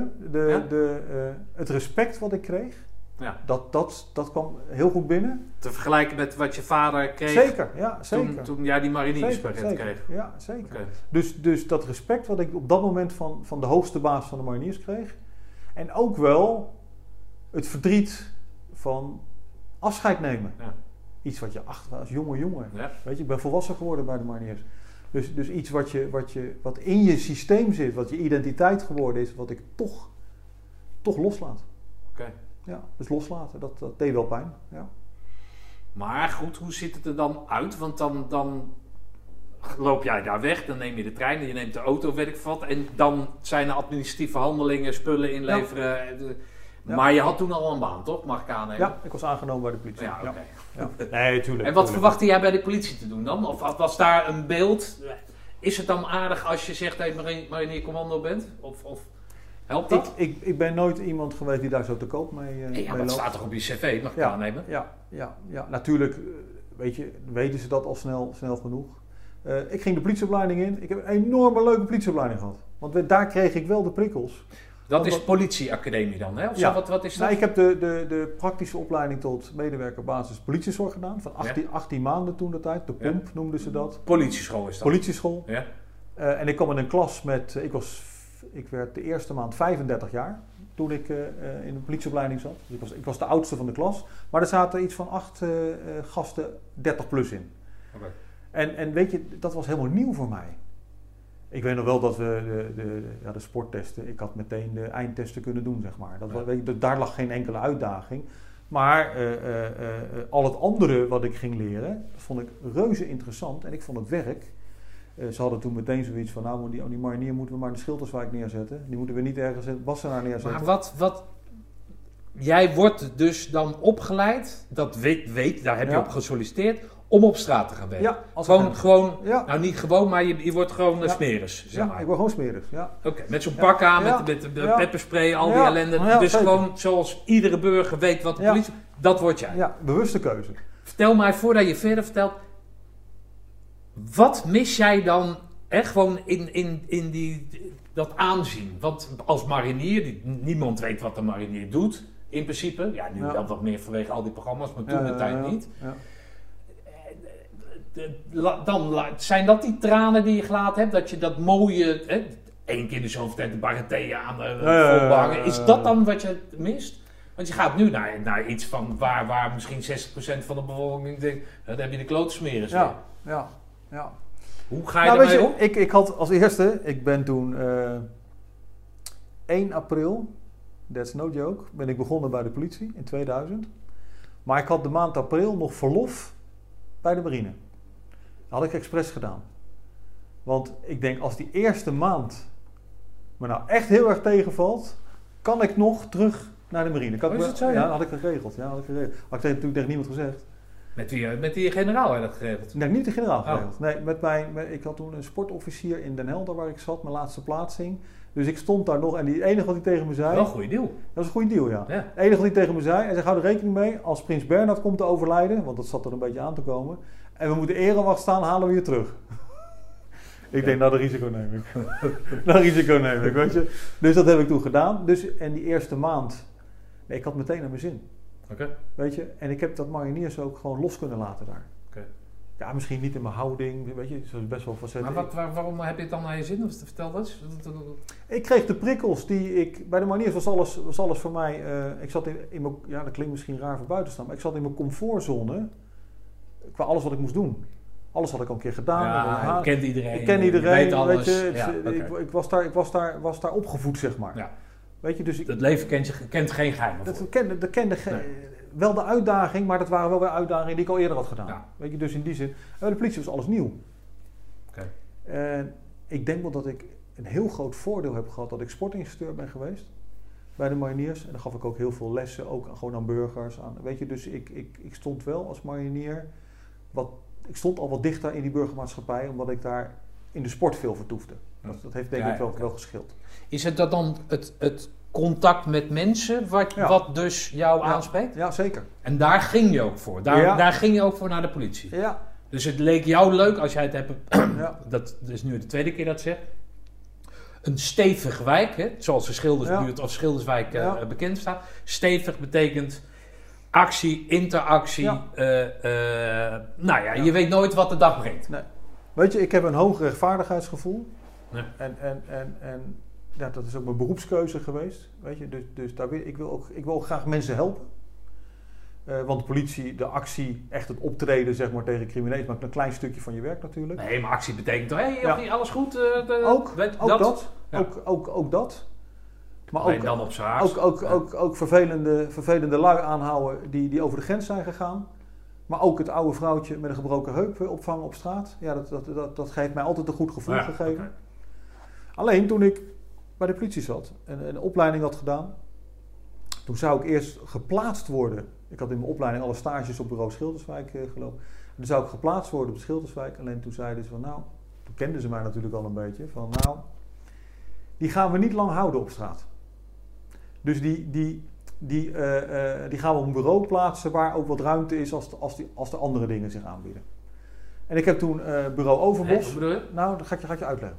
Ik heb bureau Overbos gewerkt. de wijk achter Centraal Station. Ook een hele Ja. leuke wijk trouwens. En, en diverse problematiek, zeg maar. Dus daar kon ik ook echt wel mijn eigen... Een hele leuke ploeg. Hele fijne mensen om me heen waar ik mee samengewerkt. En ik werkte daar een jaar En toen moest ik bij mijn ploegchef komen. Fijne vent trouwens ook. Hij zei, Ronald, ik heb iets binnengekregen. Dan moet je maar eens even rustig gaan lezen. En toen vroegen ze een eh, IBT-docent, integrale beroepstraining, een beetje zit tegen het sportinstituut, voor om uit te lenen aan de OVSE-missie eh, in Kosovo. En ze hadden mijn eh, cv... OV, wat, wat, OVSE, wat is betekent dat? Organisatie voor Veiligheid en Samenwerking in Europa. Interna- Internationale organisatie. Daar moest geleverd. De politiek had beloofd mensen te leveren. Eh, politie had beloofd, oké, we gaan niemand sturen. Eh, eh, niemand wilde. Ik was vrije jongen en ik had de juiste papieren bij mijn sportachtergrond. Dus ik werd op het, op het hoofdkantoor op de burgemeester Partijnlaan ontboden. Ronald, we hebben je cv gelezen. Wil jij naar Kosovo voor een jaar? Nou, ik hoefde niet eens na te denken. Ik zei, ja, natuurlijk wil ik daar naartoe. Weet je? eh, Maar je wist wat er speelde. ja, natuurlijk had ik dat wel, wel ongeveer gevolgd, maar niet precies. Mm. Dus nou, ik ging een opwerkprogramma in en, en ik werd een jaar geplaatst daar zo. En een fantastisch jaar gehad. Eh, en ik was eh, gewoon nog agent. Maar ik werd daar teamleider van 37 eh, instructeurs en local, local, lokale vertalers. Oh, Dat had ik een hele pittige baan. En in de verlof moest ik toen bij, bij Jan Bejarda, hij is helaas overleden, dat was de korpschef van Haaglanden, werd ik ook weer ontboden. Hij zei, ja Ronald, maar je doet er hartstikke goed werk. Maar wat moeten we nou met jou gaan doen als je terugkomt? Want je bent gewoon agent. Ja. Nou, uiteindelijk eh, eh, ja, heeft, dat, heeft dat goed uitgepakt. Eh, ben ik in een MD, Management Development traject. Ik heb mogen studeren. Ik ben doorgegroeid. En, en nou, dat, dat, ja, dat is pri- prima. Ik ben de internationale kant ben ik op, opgegaan. Ik heb meer missies gedraaid bij de politie dan bij Defensie. Als het gaat om echte vredesmissies. Ik ben heel veel uitgezonden geweest. Eh, en in die eerste missie eh, in Kosovo eh, was ik vrije jongen. Dus ik kon ook makkelijk weg. En heb ik mijn vrouw ontmoet. Dus mijn vrouw... In Kosovo. In Kosovo. Want zij is Kosovo. Hoe noem? Kosovaarse. Kosovaarse, ja. van Albanese origine, zeg maar. Oh joh. Ja, en ik werd de eerste week voorgesteld aan mijn vertaalster. Ronald, dit is je vertaalster. En ik keek naar haar en ik denk, nou, dat is een leuke vertaalster. Dus nou, daar heb ik een relatie mee gekregen. Daar ben ik nu zei ik ben schrijver en eh, Nee joh, nee joh. ik kan wel lekker nee, dansen. ik- dat heb ik ook ergens op gedaan. Nee joh, nee, dat kan ik allemaal Ik drink niet zoveel, gelukkig. Dat kan ik allemaal niet. Dat kan ik allemaal niet. Dat kan ik allemaal niet. Maar weet je, nee, ik ben enorm trots op haar. Want zij had natuurlijk een hele goede baan bij de VN. Ze werkte voor de VN, die vertalers. En eh, weet je, zij is uiteindelijk hebben we de keuze gemaakt om samen verder te gaan. Maar wanneer maak je die keuze dan? Binnen dat jaar? Ja, binnen dat jaar. Oh joh. En dat was een hele moeilijke En keuze. hoe oud is zij dan? Want dan Zij is een stuk jonger dan ik. maar hoe communiceer je dan in het begin? In het Engels. Engels, ja. Maar, Engels maar is jouw Engels zo Ja, dat, is dat je daar Ja, zo goed. ruzie in kan maken, liefde kan tonen, alles? Ja? Oké. Nou ja, weet je, ik ben natuurlijk veel uitgezonden geweest. Nee, ja, En- goed, en, maar- Engels taalvaardigheid is dan wel een... eh, je moet kunnen, je rapportages in het Engels kunnen maken, je les kunnen geven in het Engels. Dus nee, dat, dat, dat lukt. Oké. Eh, en zij is vertaalster, dus... eh, Ja, oké. Maar, eh, eh, dus jij bij het eerste zien denkt, nou, leuk. ja, Een, ja, leuk, Een, een, een leuke vertaalster dan Ja. niet leuke vertaalster. ja. En wanneer ga je dan binnen zo'n werksituatie daar dan werk van maken? Hoe, hoe doe je dat dan? Nou ja, kijk, ik had dat gevoel heel snel. Bij haar heeft dat even geduurd. Nou, uiteindelijk ja, krijg je een relatie. Ja, nee, maar vertel mij nou eens, hoe doe je dat dan? Zeg je van, "Nou, wat, doe jij eh, morgenavond? Of hoe Nee, gaat het? Kijk, in die cultuur ligt dat ook heel gevoelig. Hè? nou ja, daarom vrouwen, vrouwen uit die cultuur eh, eh, gaan niet een avontuurtje aan. Hè? Die, die, die, Nee. die, die- als die voor een partner kiezen, dan wordt dat in principe een vaste partner. Dus dat ligt wel anders. Ik weet dat wij, ehm, ik werd ingezet tijdens de eerste vrije verkiezingen in Kosovo in Bergdorp. Eh, eh, en ik bleef daar eh, twee dagen met een overnachting. En zij ging mee als mijn vertaler. En, en die verkiezingen waren heel erg eh, eh, onrustig daar in het dorp. Eh, ik heb toen bijstand van de NAVO moeten vragen en er is van, alle- van, alles, van alles gebeurd. Dus we waren heel erg op elkaar aangewezen. Ik had haar heel erg nodig om, om, om mij te adviseren over allerlei culturele zaken. Ja. Het liep daar heel erg hoog op. Ja, en ik werd gezien als, de, als ik was als enige international daar. Eh, met allemaal locals. Eh, eh, politiek is daar anders dan hier in Nederland. Hè. Het ligt daar, de politieke beïnvloeding op, op, op mensen hun werk is veel groter dan hier. Dus het is heel belangrijk voor mensen welke politieke stroming het voor het zeggen krijgt. Dus, en dat waren de eerste Ja. verkiezingen sinds een hele lange tijd. En jij zat daar in je eentje. En ik zat er in mijn eentje. Ja, ja, weet je, dus dat was, dat was ook voor mij spannend. Dat was een ongewapende job, zeg maar. Ook had ik, ook als ik een wapen had gehad, had ik het denk ik niet eens meegenomen, want dat, dat roept Ja, eerder iets op dan... eh, dus eh, dat had zoveel natuurlijk geen enkele ja. zin. Ik had wel eh, s ochtends al contact met, met een NAVO-eenheid gehad. Dat waren Italianen volgens mij. Ja, ja, die, die waren wel in de buurt. Dus had ik wel de afspraak mee. Als ik jullie nodig heb, dan. eh, nou, dat, dus dat was allemaal goed geregeld. Maar zij liep natuurlijk daaromheen. En ja, weet je, een verhitte discussies daar is wat anders dan hier. Dus ik had soms ook wel zeven, acht schreeuwende gasten om me heen staan. En duwen en trekken. En, en, dus ik, ik voelde me ook natuurlijk niet, niet, niet zo lang daar, eh, daarbij. Dus, dus zij hebben enorm goed geholpen. Dus ja, we werden steeds closer. En uiteindelijk is dat een, is dat een liefdesrelatie eh, geworden. Ja. En, en ja, weet je, we zijn, eh, we zijn eh, bijna twintig jaar samen. Ja, We hebben maar twee wat kinderen. ik graag wil weten. Ga je naar een kroeg? Ga je uit eten? Tijdens het werk geef je elkaar, zoals in een film, je kijkt elkaar aan. En hoe, hoe gaat dat dan? Want het is een hele andere cultuur, toch? Het is een hele andere cultuur. Dus, dus onze relatie is stiekem begonnen. Ja, het beginnen wel meer relaties stiekem. Mag ik trouwens... Safe by the bell. Ik moet, Ja. ik moet even naar het toilet. Is goed, is goed.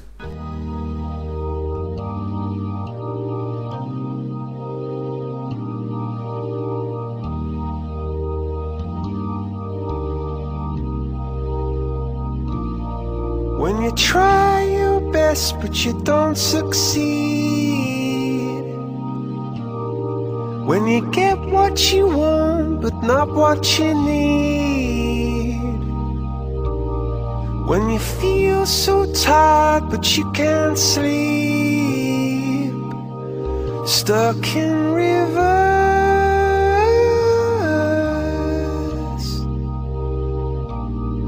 And the tears come streaming down your face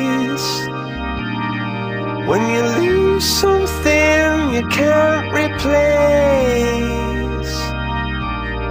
When you love someone but it goes to waste plasje gedaan. Hé, maar eh, je hoeft, mijn, eh, je hoeft jouw eh, versiertechnieken niet, eh, niet uit te leggen. Maar wat mij altijd zo integreert met, met, met relaties hè, van een ander land, van een andere cultuur. Ja, hoe dat, hoe dat dan werkt. Nou, dat werkte dus bij jullie. Maar na een Ja. jaar besluiten jullie dan naar Nederland te gaan dan of Ja. zo. Weet je, het is een heel intens jaar geweest. Hè? We hebben dat dingen meegemaakt. Eh, ik ben heel dichtbij een, eh, een hele zware autobom eh, geweest. Dat heb echt weinig, weinig geschild, zeg maar. Dus je, je doet ook met elkaar een heel, heel veel intense ervaringen op. De opmerking die jij eh, gaf over Peter Berks herken ik natuurlijk. Hè? Als je samen onder vuur hebt gelegen, hè, dan, dan, nou, dat hebben mijn vrouw en ik op een andere manier Ja. meegemaakt, zeg maar. Dus ja, na dat jaar eh, zij afscheid nemen van haar goede baan daar. Eh, mee naar Nederland, waar ze niks heeft, behalve mij. Het lag ook nog wel een beetje gevoelig. De familie trouwens niet. Haar familie heeft dat altijd ondersteund. Maar in de gemeenschap werd eigenlijk niet getrouwd met internationals. Hè. Dat, dat, dat, dat, dat doen ze niet. Het is allemaal in de eigen groep, zeg maar. Uiteindelijk de keuze gemaakt. Eh, dus ja, nou, weet je, ik, ben, ik ben enorm trots op haar. Zij, zij spreekt acht talen. eh, waarvan vijf echt vloeiend als vertaalster eh, inzetbaar, zeg maar. In Nederland sprak ze in een jaar. Zij heeft een verpleegkundige achtergrond. Ze heeft in de oorlog ook voor Artsen zonder Grenzen gewerkt in Kosovo. Dus, dus ze heeft in Nederland heel snel een baan gevonden in het ziekenhuis. Daar heeft zij drie jaar gewerkt. Heel goed voor haar geweest om de Nederlandse mentaliteit, eh, de, de puntjes op de i op de taal, de humor, de emotie. Dat is in een taal altijd lastig. Dus daar heeft ze de taal heel goed geleerd. En eh, na die drie jaar werd ze eigenlijk via mijn netwerk weggehaald door Defensie. Eh, en heeft ze daar acht jaar in een hartstikke leuke job gewerkt. En eh, vanuit Defensie is ze weer Met over... haar talen, Ja, haar talen was, was de doorslag. Of dat Talen ze- was de doorslag. Daar ja. hadden ze haar op ja, gescout. ja, en heeft ze, bij Defensie heeft ze Russisch mogen studeren. Dus ze spreekt, ze spreekt ook nog Russisch. Maar in welke taal maken jullie ruzie dan? Of hebben jullie nooit ruzie? Nou ja, ze, ze, ze, ze scheldt wel eens tegen mij in een taal die ik niet versta. Maar nee, dat, Eén van die acht, negen. ja, kijk, onze relatie is begonnen in, in, gewoon in het Engels. En dat is al heel snel naar het Nederlands overgestapt. Dus onze kinderen worden ook gewoon op, opgevoed. Maar in welke taal droomt zij dan? Nederlands. Oh ja? Ja, zegt Oh, ze dus dat is Ja. wel een, een, Ja. eh, een eh, Ja. bevestiging van het feit Ja, dat ze ja, hier aard Ja, is. nee, ze- dat Nederlands zit echt wel diep in haar Nou, systeem grappig, nu. Ja, ja, Oké. ja. Hoor je het nog aan haar dan? Of, Nee, of- ze is dialectloos. Oké. Ja, ik ben- dat vind ik echt enorm knap. En weet je, het is ook wel eens voor mij frustrerend. Kijk, ik moet heel hard werken om een andere taal te leren. En dat Ja. lukt me dan wel, omdat ik, omdat ik een doorzetter ben. Kijk, ik spreek bijvoorbeeld redelijk Spaans. En als er dan Spaanstalig iets is, dan moet ik me enorm concentreren om het te volgen. Ja. En zij spreekt geen Spaans, maar ze staat, verstaat meer dan, dan mij. Ze, Nee, ze- ze oké. is zo gevoelig en ze legt zoveel linken daarvoor. Dan komen er drie kinderen? Of, Twee. of twee kinderen? Twee, Oh, dus ja. daar hangen er drie onder elkaar? Ja, het is twee, twee dezelfde baby. en- Tweede ja, zelf, ja, ja, dat zie ik dan weer niet zonder deze bril. Nee, op, nee, eh. nee, nee, nee, nee. Hey, en, eh, en hoe, eh, als je dan zo'n talige moeder hebt, wat, wat, eh, hebben, zij dat ook? eh, wat, wat hebben ze van jou en wat hebben ze van haar? Ehm, even kijken. Nou, mijn zoon bijvoorbeeld, is wel leuk. Die heeft recent Die is zijn 15, hè? Ja, die, bijna 15. Die heeft recent zijn bruine band judo gehaald. Oh joh, maar dat is dat, is dat, eh, dat eh, jiu-jitsu en... eh, ja, en, eh, ja, dat pakt ja. hij. Eh, ik heb met hem de Vierdaagse De gelopen. bruine band? Ja, het bruine band al. Oh. Ja, die traint vanaf zijn zesde al. Dus ja, dat is echt, dat is echt een doorzetter ook. Maar dat komt door jou? Ja, weet je. Heb je dat gestimuleerd, nou laat ja, ik het zo hij, zeggen? hij doet het zelf, maar dat, dat, Nee, tuurlijk, heb ik... maar Tuurlijk jij heb hebt ik, hem toch opgegeven, ja, of niet? tuurlijk, tuurlijk. Ja, En hij, mag, hij mag niet stoppen. Dus. Nee. Nee, Nee, nee, nee. maar hij, tuurlijk heb ik dat gestimuleerd, maar heeft het vooral zelf gedaan. En ik heb met hem de Vierdaagse van Nijmegen gelopen. Oh ja, heeft- welke leeftijd? was hij 12 jaar. Oh, oké. Maar mijn vrouw was wel, ik, weet je, het was een warme zomer was het. Ja. En het was ook wel, de Vierdaagse, nou, dat is gewoon pittig. Ja. En, en hij heeft me echt afgezien. En het was zo warm, dus ik had zo'n zo'n natte doek op zijn hoofd gebonden. En hij moest van mij elk uur minimaal een halve liter water drinken. Dus weet je, dus ik, ik heb heel goed op hem Ja, die heb ik ook gelopen. Dat, dat, die warme, ja. Ja, Ja. weet je, dus dat, dat, viel, dat viel niet mee. Maar hij heeft hem uitgelopen. En zijn Vierdaagse kruis hangt natuurlijk boven op zijn Nou, kamer. Weet je, ik ben enorm trots Ja. op hem. En, en hij, hij heeft natuurlijk lopen schelden onderweg, uiteraard, tegen zijn vader. Jouw schuld! weet je, dus... Ja. Maar hem uitgelopen, dus, dus, dus dat fysieke heeft hij zeker van mij. ja.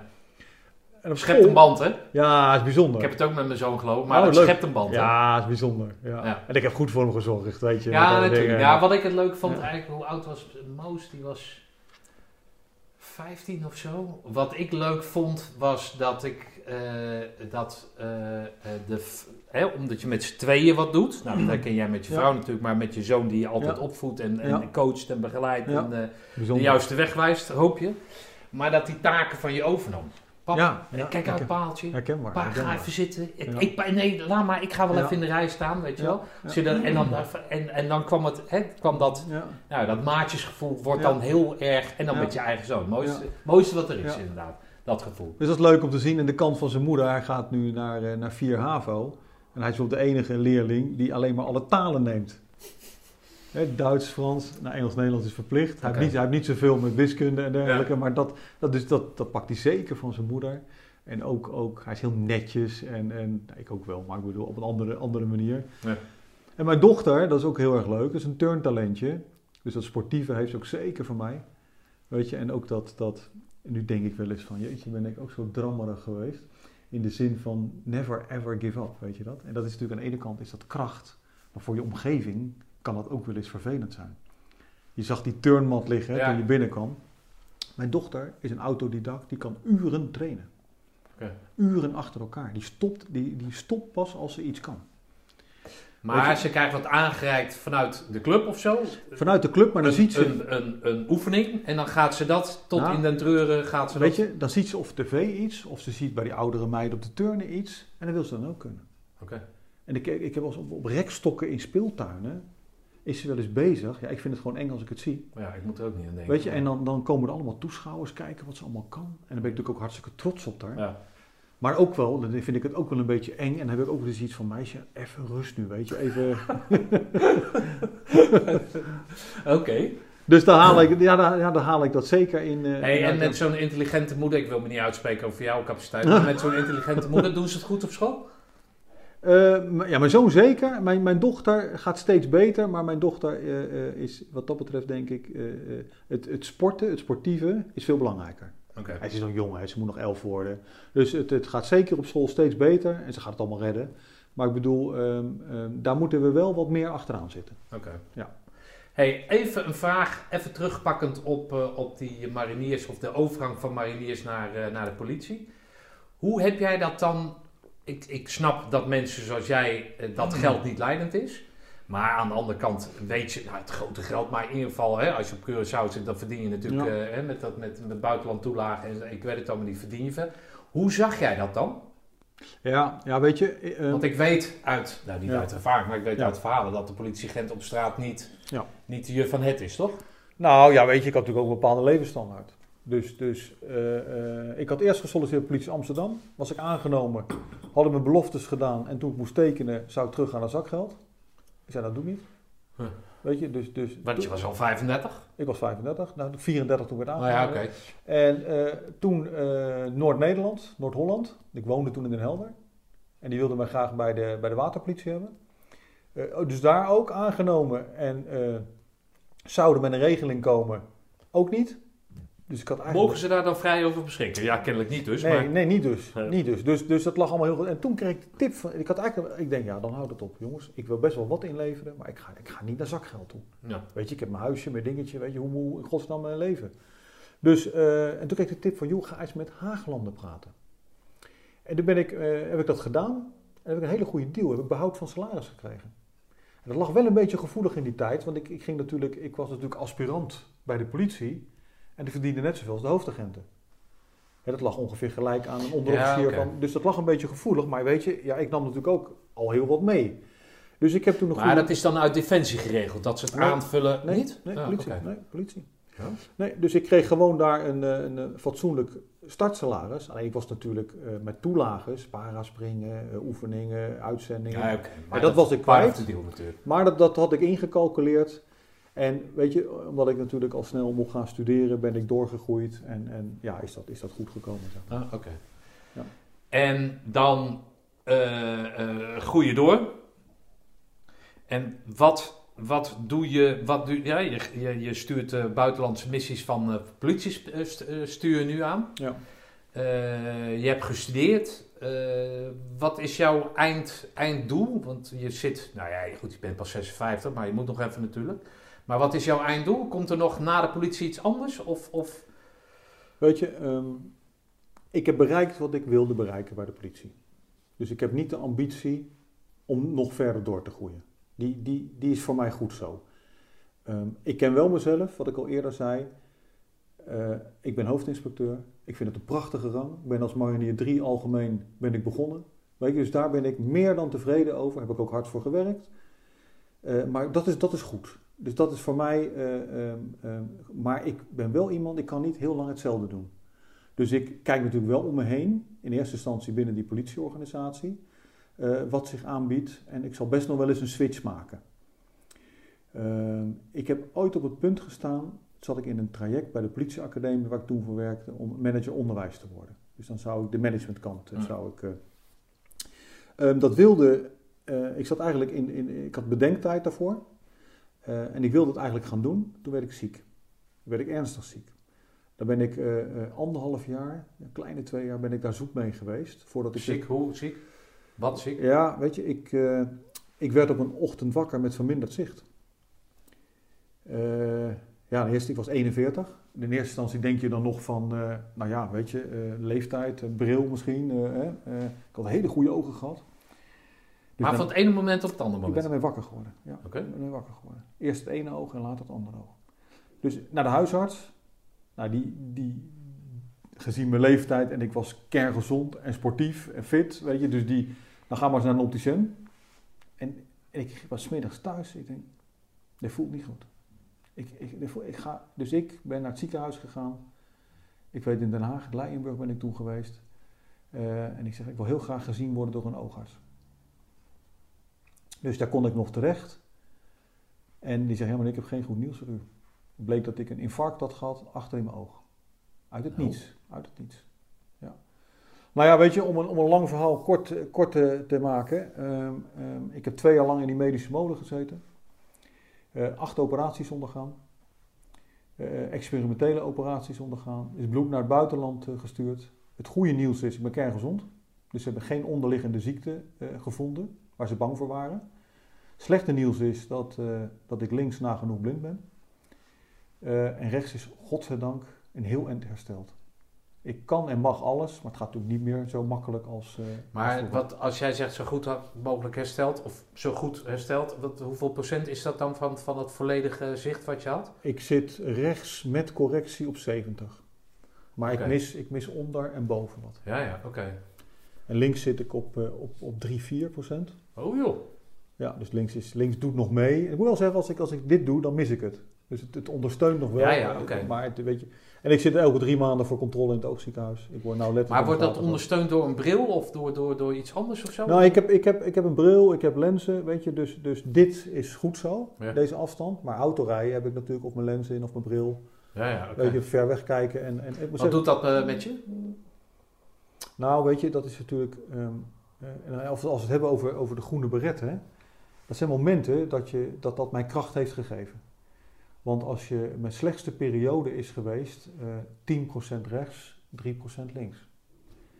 Eh, ik moest met een stok lopen, dat wilde ik niet. Eh, ik kon toen niet meer werken. Eh, eh, ik ben elke dag naar de sportschool gegaan. En al daar naartoe gaan, mijn vrouw die maakte zich zorgen, weet je. Ik, liep, ik wandelde daar naartoe. Ik moest een paar, eh, paar, paar straten oversteken. Eh, eh, auto's hoorde ik, maar bijvoorbeeld racefietsen was de lastigste. Ja. Die, zijn snel en, en, en dat zag ik op een gegeven moment ook niet meer. Dus dan, dan, ja, dan, dan vroeg ik toch wel mensen van, alleen je hebt geen stok. Dan denk ik, wat moet die vent, weet je. Ja. Je zag het niet aan mij aan de buitenkant. Maar ik ben echt elke dag blijven sporten op die sportschool. De loopband werd, ik, ik kwam natuurlijk al jaren, dus ik kende iedereen. Die loopband werd voor me aangezet. weet je, dus, dus, dus ik ging hardlopen, een beetje gewicht, ik heb van alles gedaan. Dus ik ben altijd door blijven gaan. Geen moment ben ik, en ik heb toen ook tegen mezelf gezegd, ik ga geen gefrustreerde man voor mijn vrouw en kinderen worden. Ik had toen, mijn zoon was een jaar oud. Eh, bijvoorbeeld, ik heb altijd papadag gedaan met mijn kinderen. En ik weet nog wel, eh, mijn zoon was altijd net als ik een beetje ongeduldig en dan moest hij eten hebben. En, eh, dan moest ik hem voeding geven. Was die jongen was nog geen jaar toen dat speelde. En dan, dan had ik moeite natuurlijk om dat lepeltje in zijn mond. Met de grootste moeite kon ik dat dan doen nog. Dan, dan was het bovenop en dan, weet je, en, en het was zo mooi dan, eh, hoe ongeduldig hij was, dan had hij geduld. Hmm. Weet je, dus dat... eh, en ik heb dat altijd blijven doen. Mijn vrouw vond het best moeilijk, want dan ging zij naar haar werk. En dan liet ze mij als slechtziende toen de tijd. Maar ze- ben je dan bang? Ben je, wat, wat, wat, wat, wat gaat er dan door je heen? Want dan wordt de, de, de kwetsbaarheid van het leven, om het zo maar te zeggen, die, die, hè, als, Ja. als stoere marinier, weet Ja. ik voor wat, eh, dan, dan in één keer ben je zo beperkt door, door iets kleins als je ogen. Ja. Nou ja, iets kleins. Hè, Ja. Dan besef je hoe belangrijk dat is. Ja. Hoe, Ja. wat, wat, wat doet dat met je Nou zelfvertrouwen dan? Nee, dat, dat, dat hakt er natuurlijk in. Ehm, ik weet je, ik, ik, ik deed aan squash op een redelijk niveau. Kon ik van de een op de andere dag niet meer. Dat mis ik nog steeds. Eh, ik deed aan bergbeklimmen. Hm. Ik deed aan duiken. Dat heb ik allemaal los moeten laten. Dat, dat mis ik ook allemaal nog steeds. Maar ehm, eh, eh, ik heb wel van mijn vader altijd geleerd van tel je zegeningen, zeg maar. Hm. Weet je, dus ik, ik ben me wel gaan focussen op dingen die ik wel kon. En nu kan ik, nou niet alles, maar wel, ik kan bijna alles, zeg maar. Weet je, alleen ehm, ehm, als mijn zoon gaat, papa, de Playstation, ik heb er ook niks mee, maar dat, dat, dat is voor mij te lastig. Dus dat, dat, dat doe ik niet. Eh, teamsporten, dat lukt echt niet. Ik kan me dan wel concentreren op de bal bijvoorbeeld, maar dan mis ik de mensen om me heen. Weet je, dat, ga, ga, dat, Ja. dat soort dingen. Maar dat wat niet. heb jij dan als hobby of jezelf aangeleerd, wat je anders met volledig zicht nooit had gedaan? Heb je, heb je daar in Nou, iets om... Ja, weet je, ik heb, ik heb boven een grote boekenkast en ik heb heel veel gelezen in mijn leven. Oké. En, en dat ging niet meer toen. En nu gaat het wel met leesbril, maar kost me wel veel kracht. Weet je? Dus, dus lezen is niet meer ontspannend. Ik lees veel voor mijn werk, dat is prima. Maar ik kan in mijn vrije tijd niet meer een boek lezen. Dat, dat, dat loop ik op leeg. Hm. Eh, maar ik ben naar luisterboeken overgegaan. Nee, oké. Perfect, heerlijk. Ja. Enige nadeel, ik word een beetje slaperig. Naar, eh. nee, is, is echt, ik, weet je, dus ik, ik heb best wel weer alternatieven gevonden. Hm. En eh, in sporten bijvoorbeeld, ik loop graag hard buiten. Het lukt wel, maar dan weet je, naast het hardlopen moet ik me zo concentreren op stoepjes en Ja, ja, ja, ja, dingetjes. Weet je, dus ik loop op de loopband. Die zet ik op, op, op, op 19 kilometer, weet je. En dan, dat is, het- dus het is niet ideaal, maar ik kom aan met trekken. Hm. Ik zwem veel lange afstanden. Oké, nu door de corona kan dat niet. Maar eh, in een 50 meter bad, in het hofbad, heerlijk. Weet je, dus ik doe, ik doe echt genoeg. Ehm, ik vond het vroeger leuk om met de auto, wintersport, dingen, weet je. Nou, ik vlieg, we vliegen alleen nog maar. Want autorijden, het, het gaat, hè. ik mag rijden en ik kan rijden. Maar ik merk na anderhalf, twee uur, loop ik leeg. Ja. Dus te, te geconcentreerd ben ik dan bezig. Weet je. Dus mijn vrouw moet dan heel veel rijden, dat wil ik er ook niet aan doen. weet je, we hebben, het, we hebben het hartstikke goed. We werken allebei. Dus, dus, dus we maken dan andere keuzes om het voor mij, maar ook voor haar, wat makkelijker te maken. Oké, dus dan is het gezien, eh, of in ieder geval met de wetenschap van nu, is het goed dat ze jou toen hebben, van staat hebben gepikt, zeg maar. Nou, weet je, het, het kwam wel goed uit. In, ja, Ja. goed, het komt nooit goed uit, maar in Nee. mijn, in- het paste in mijn loopbaan. Ja, En wat ik toen gedaan heb, hè, ik, zou, ik zou natuurlijk dat, dat traject ingaan om manager onderwijs te worden. Ik werd toen ziek. En toen ben ik een heel eind hersteld, zoals ik nu ben eigenlijk-. En toen heb ik ook mezelf de vraag gesteld, wat wil ik nou echt? Ik denk, internationaal. Hm. En ik heb daarna nog twee missies gedraaid van een jaar. Hm. Weet je, en ik zat bij de keuringsarts. Ja, die, kende een dossier, weet je. En die zei toen, Ronald, je bent fit, je bent gezond, maar je ogen zijn niet goed. Ik zei, dat weet ik. Hij zegt, ik wil met jou de afspraak maken. Je mag van mij het missie, want dat, dat kan jij, maar in adviserende functies. Ik zeg, dat beloof ik je. Weet je, en dat is, dat is prima gegaan. Ik heb dan, ik, en nu ook, weet je, ik, ik reis regelmatig voor mijn werk, ik vlieg veel en eigenlijk, het, nou, klopt het af. En ik ben ook dankbaar. Ehm, toen ik dit had, de eerste jaren, ja, dan ga je zoeken van hoe kan dat nou? Waar komt dat nou vandaan? En de internist heeft altijd gedacht van, ja, ben je bij Defensie in aanraking geweest met, met verarmd uranium of, of, of wat dan ook, weet je. Ik ben gaan zoeken, ik ben gaan speuren. Nou, ik heb geleerd van internet word je niet vrolijk. Dan kom je een hoop ellende tegen. Dat heb ik op een gegeven moment losgelaten. Hm. Mijn oogarts, ook een hele fijne vent trouw, die me natuurlijk ook al jaren behandeld, zegt van... Ronald, ik denk dat het een bakfoutje is, wat een gegeven moment in je leven, dat er iets misgaat. Hm. Een heel technisch verhaal, dat, dat, zal, dat zal ik je besparen. Maar weet, weet je, dus, eh, eh, zowel trouwens mijn internist en mijn oogarts krijgen van mij een boek cadeau, Ja. gesigneerd. Want ik heb eh, enorm veel respect voor, voor, voor, voor medici, verpleegkundigen uiteraard. En ik heb daar ook wel geleerd in het ziekenhuis. Dat is zoals mijn identiteit als marinier misschien was. Ja. Een arts is niet alleen werk. Die mensen zijn zo betrokken geweest, hebben zo hard voor mij gewerkt.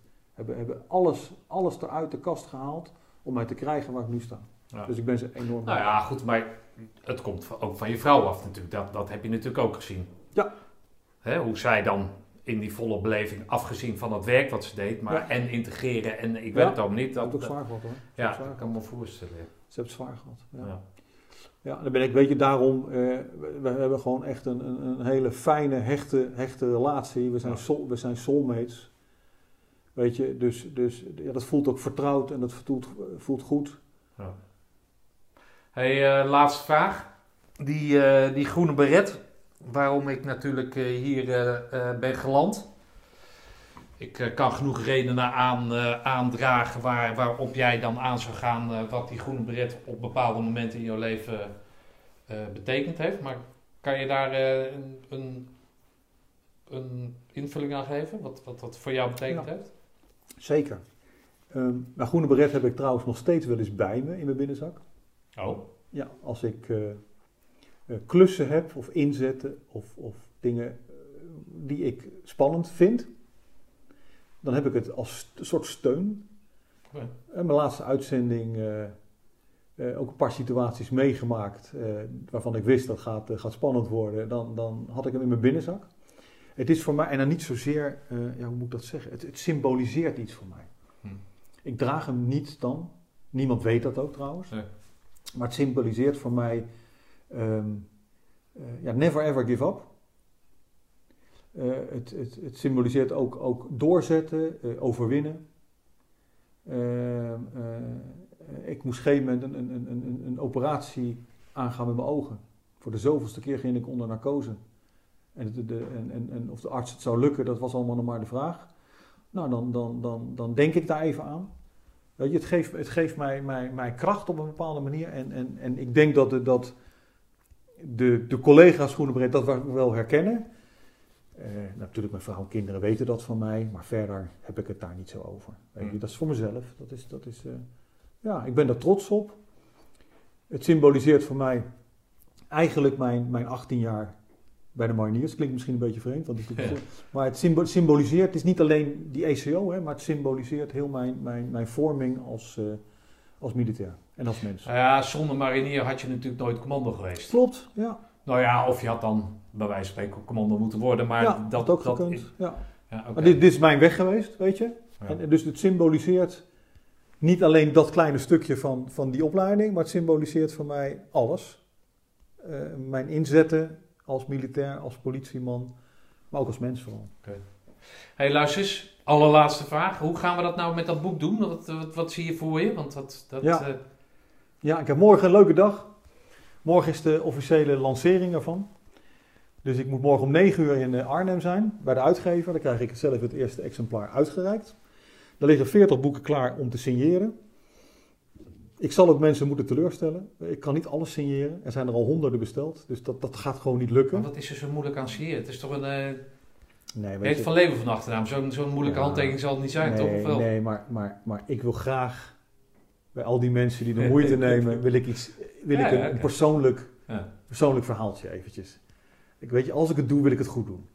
En alleen een handtekening voelt niet helemaal goed. Dus, dus ik ga er 40 doen als ik dat red morgen. En eh, ik ga met de andere mensen afspreken van, van, van laten we nog een keer een moment plannen of ik ga bij ze langs. Weet je, als ik het doe, wil ik, wil ik het netjes doen. Nou, leuk. Want ik moet om 1 uur eh, moet ik in Utrecht zijn bij het programma eh, Spijkers met Koppen. Ja, is niet zomaar een programma, hè? Nee, ik heb het Nee, begrepen. Het is, het is niet zomaar. Ik heb het nee, begrepen, dat, dat, dat- ik denk dat het al een jaar of 25, misschien wel 30, 40, nou 30 jaar. Felix Meurders heeft het gepresenteerd. Dat is echt een heel oud, illustre programma, hoor. Ja, ja, ik word gebeld door ze zo. eh, om de afspraken te maken. Ik heb al voorgesprek gehad. Ze hebben het PDF-boek gelezen.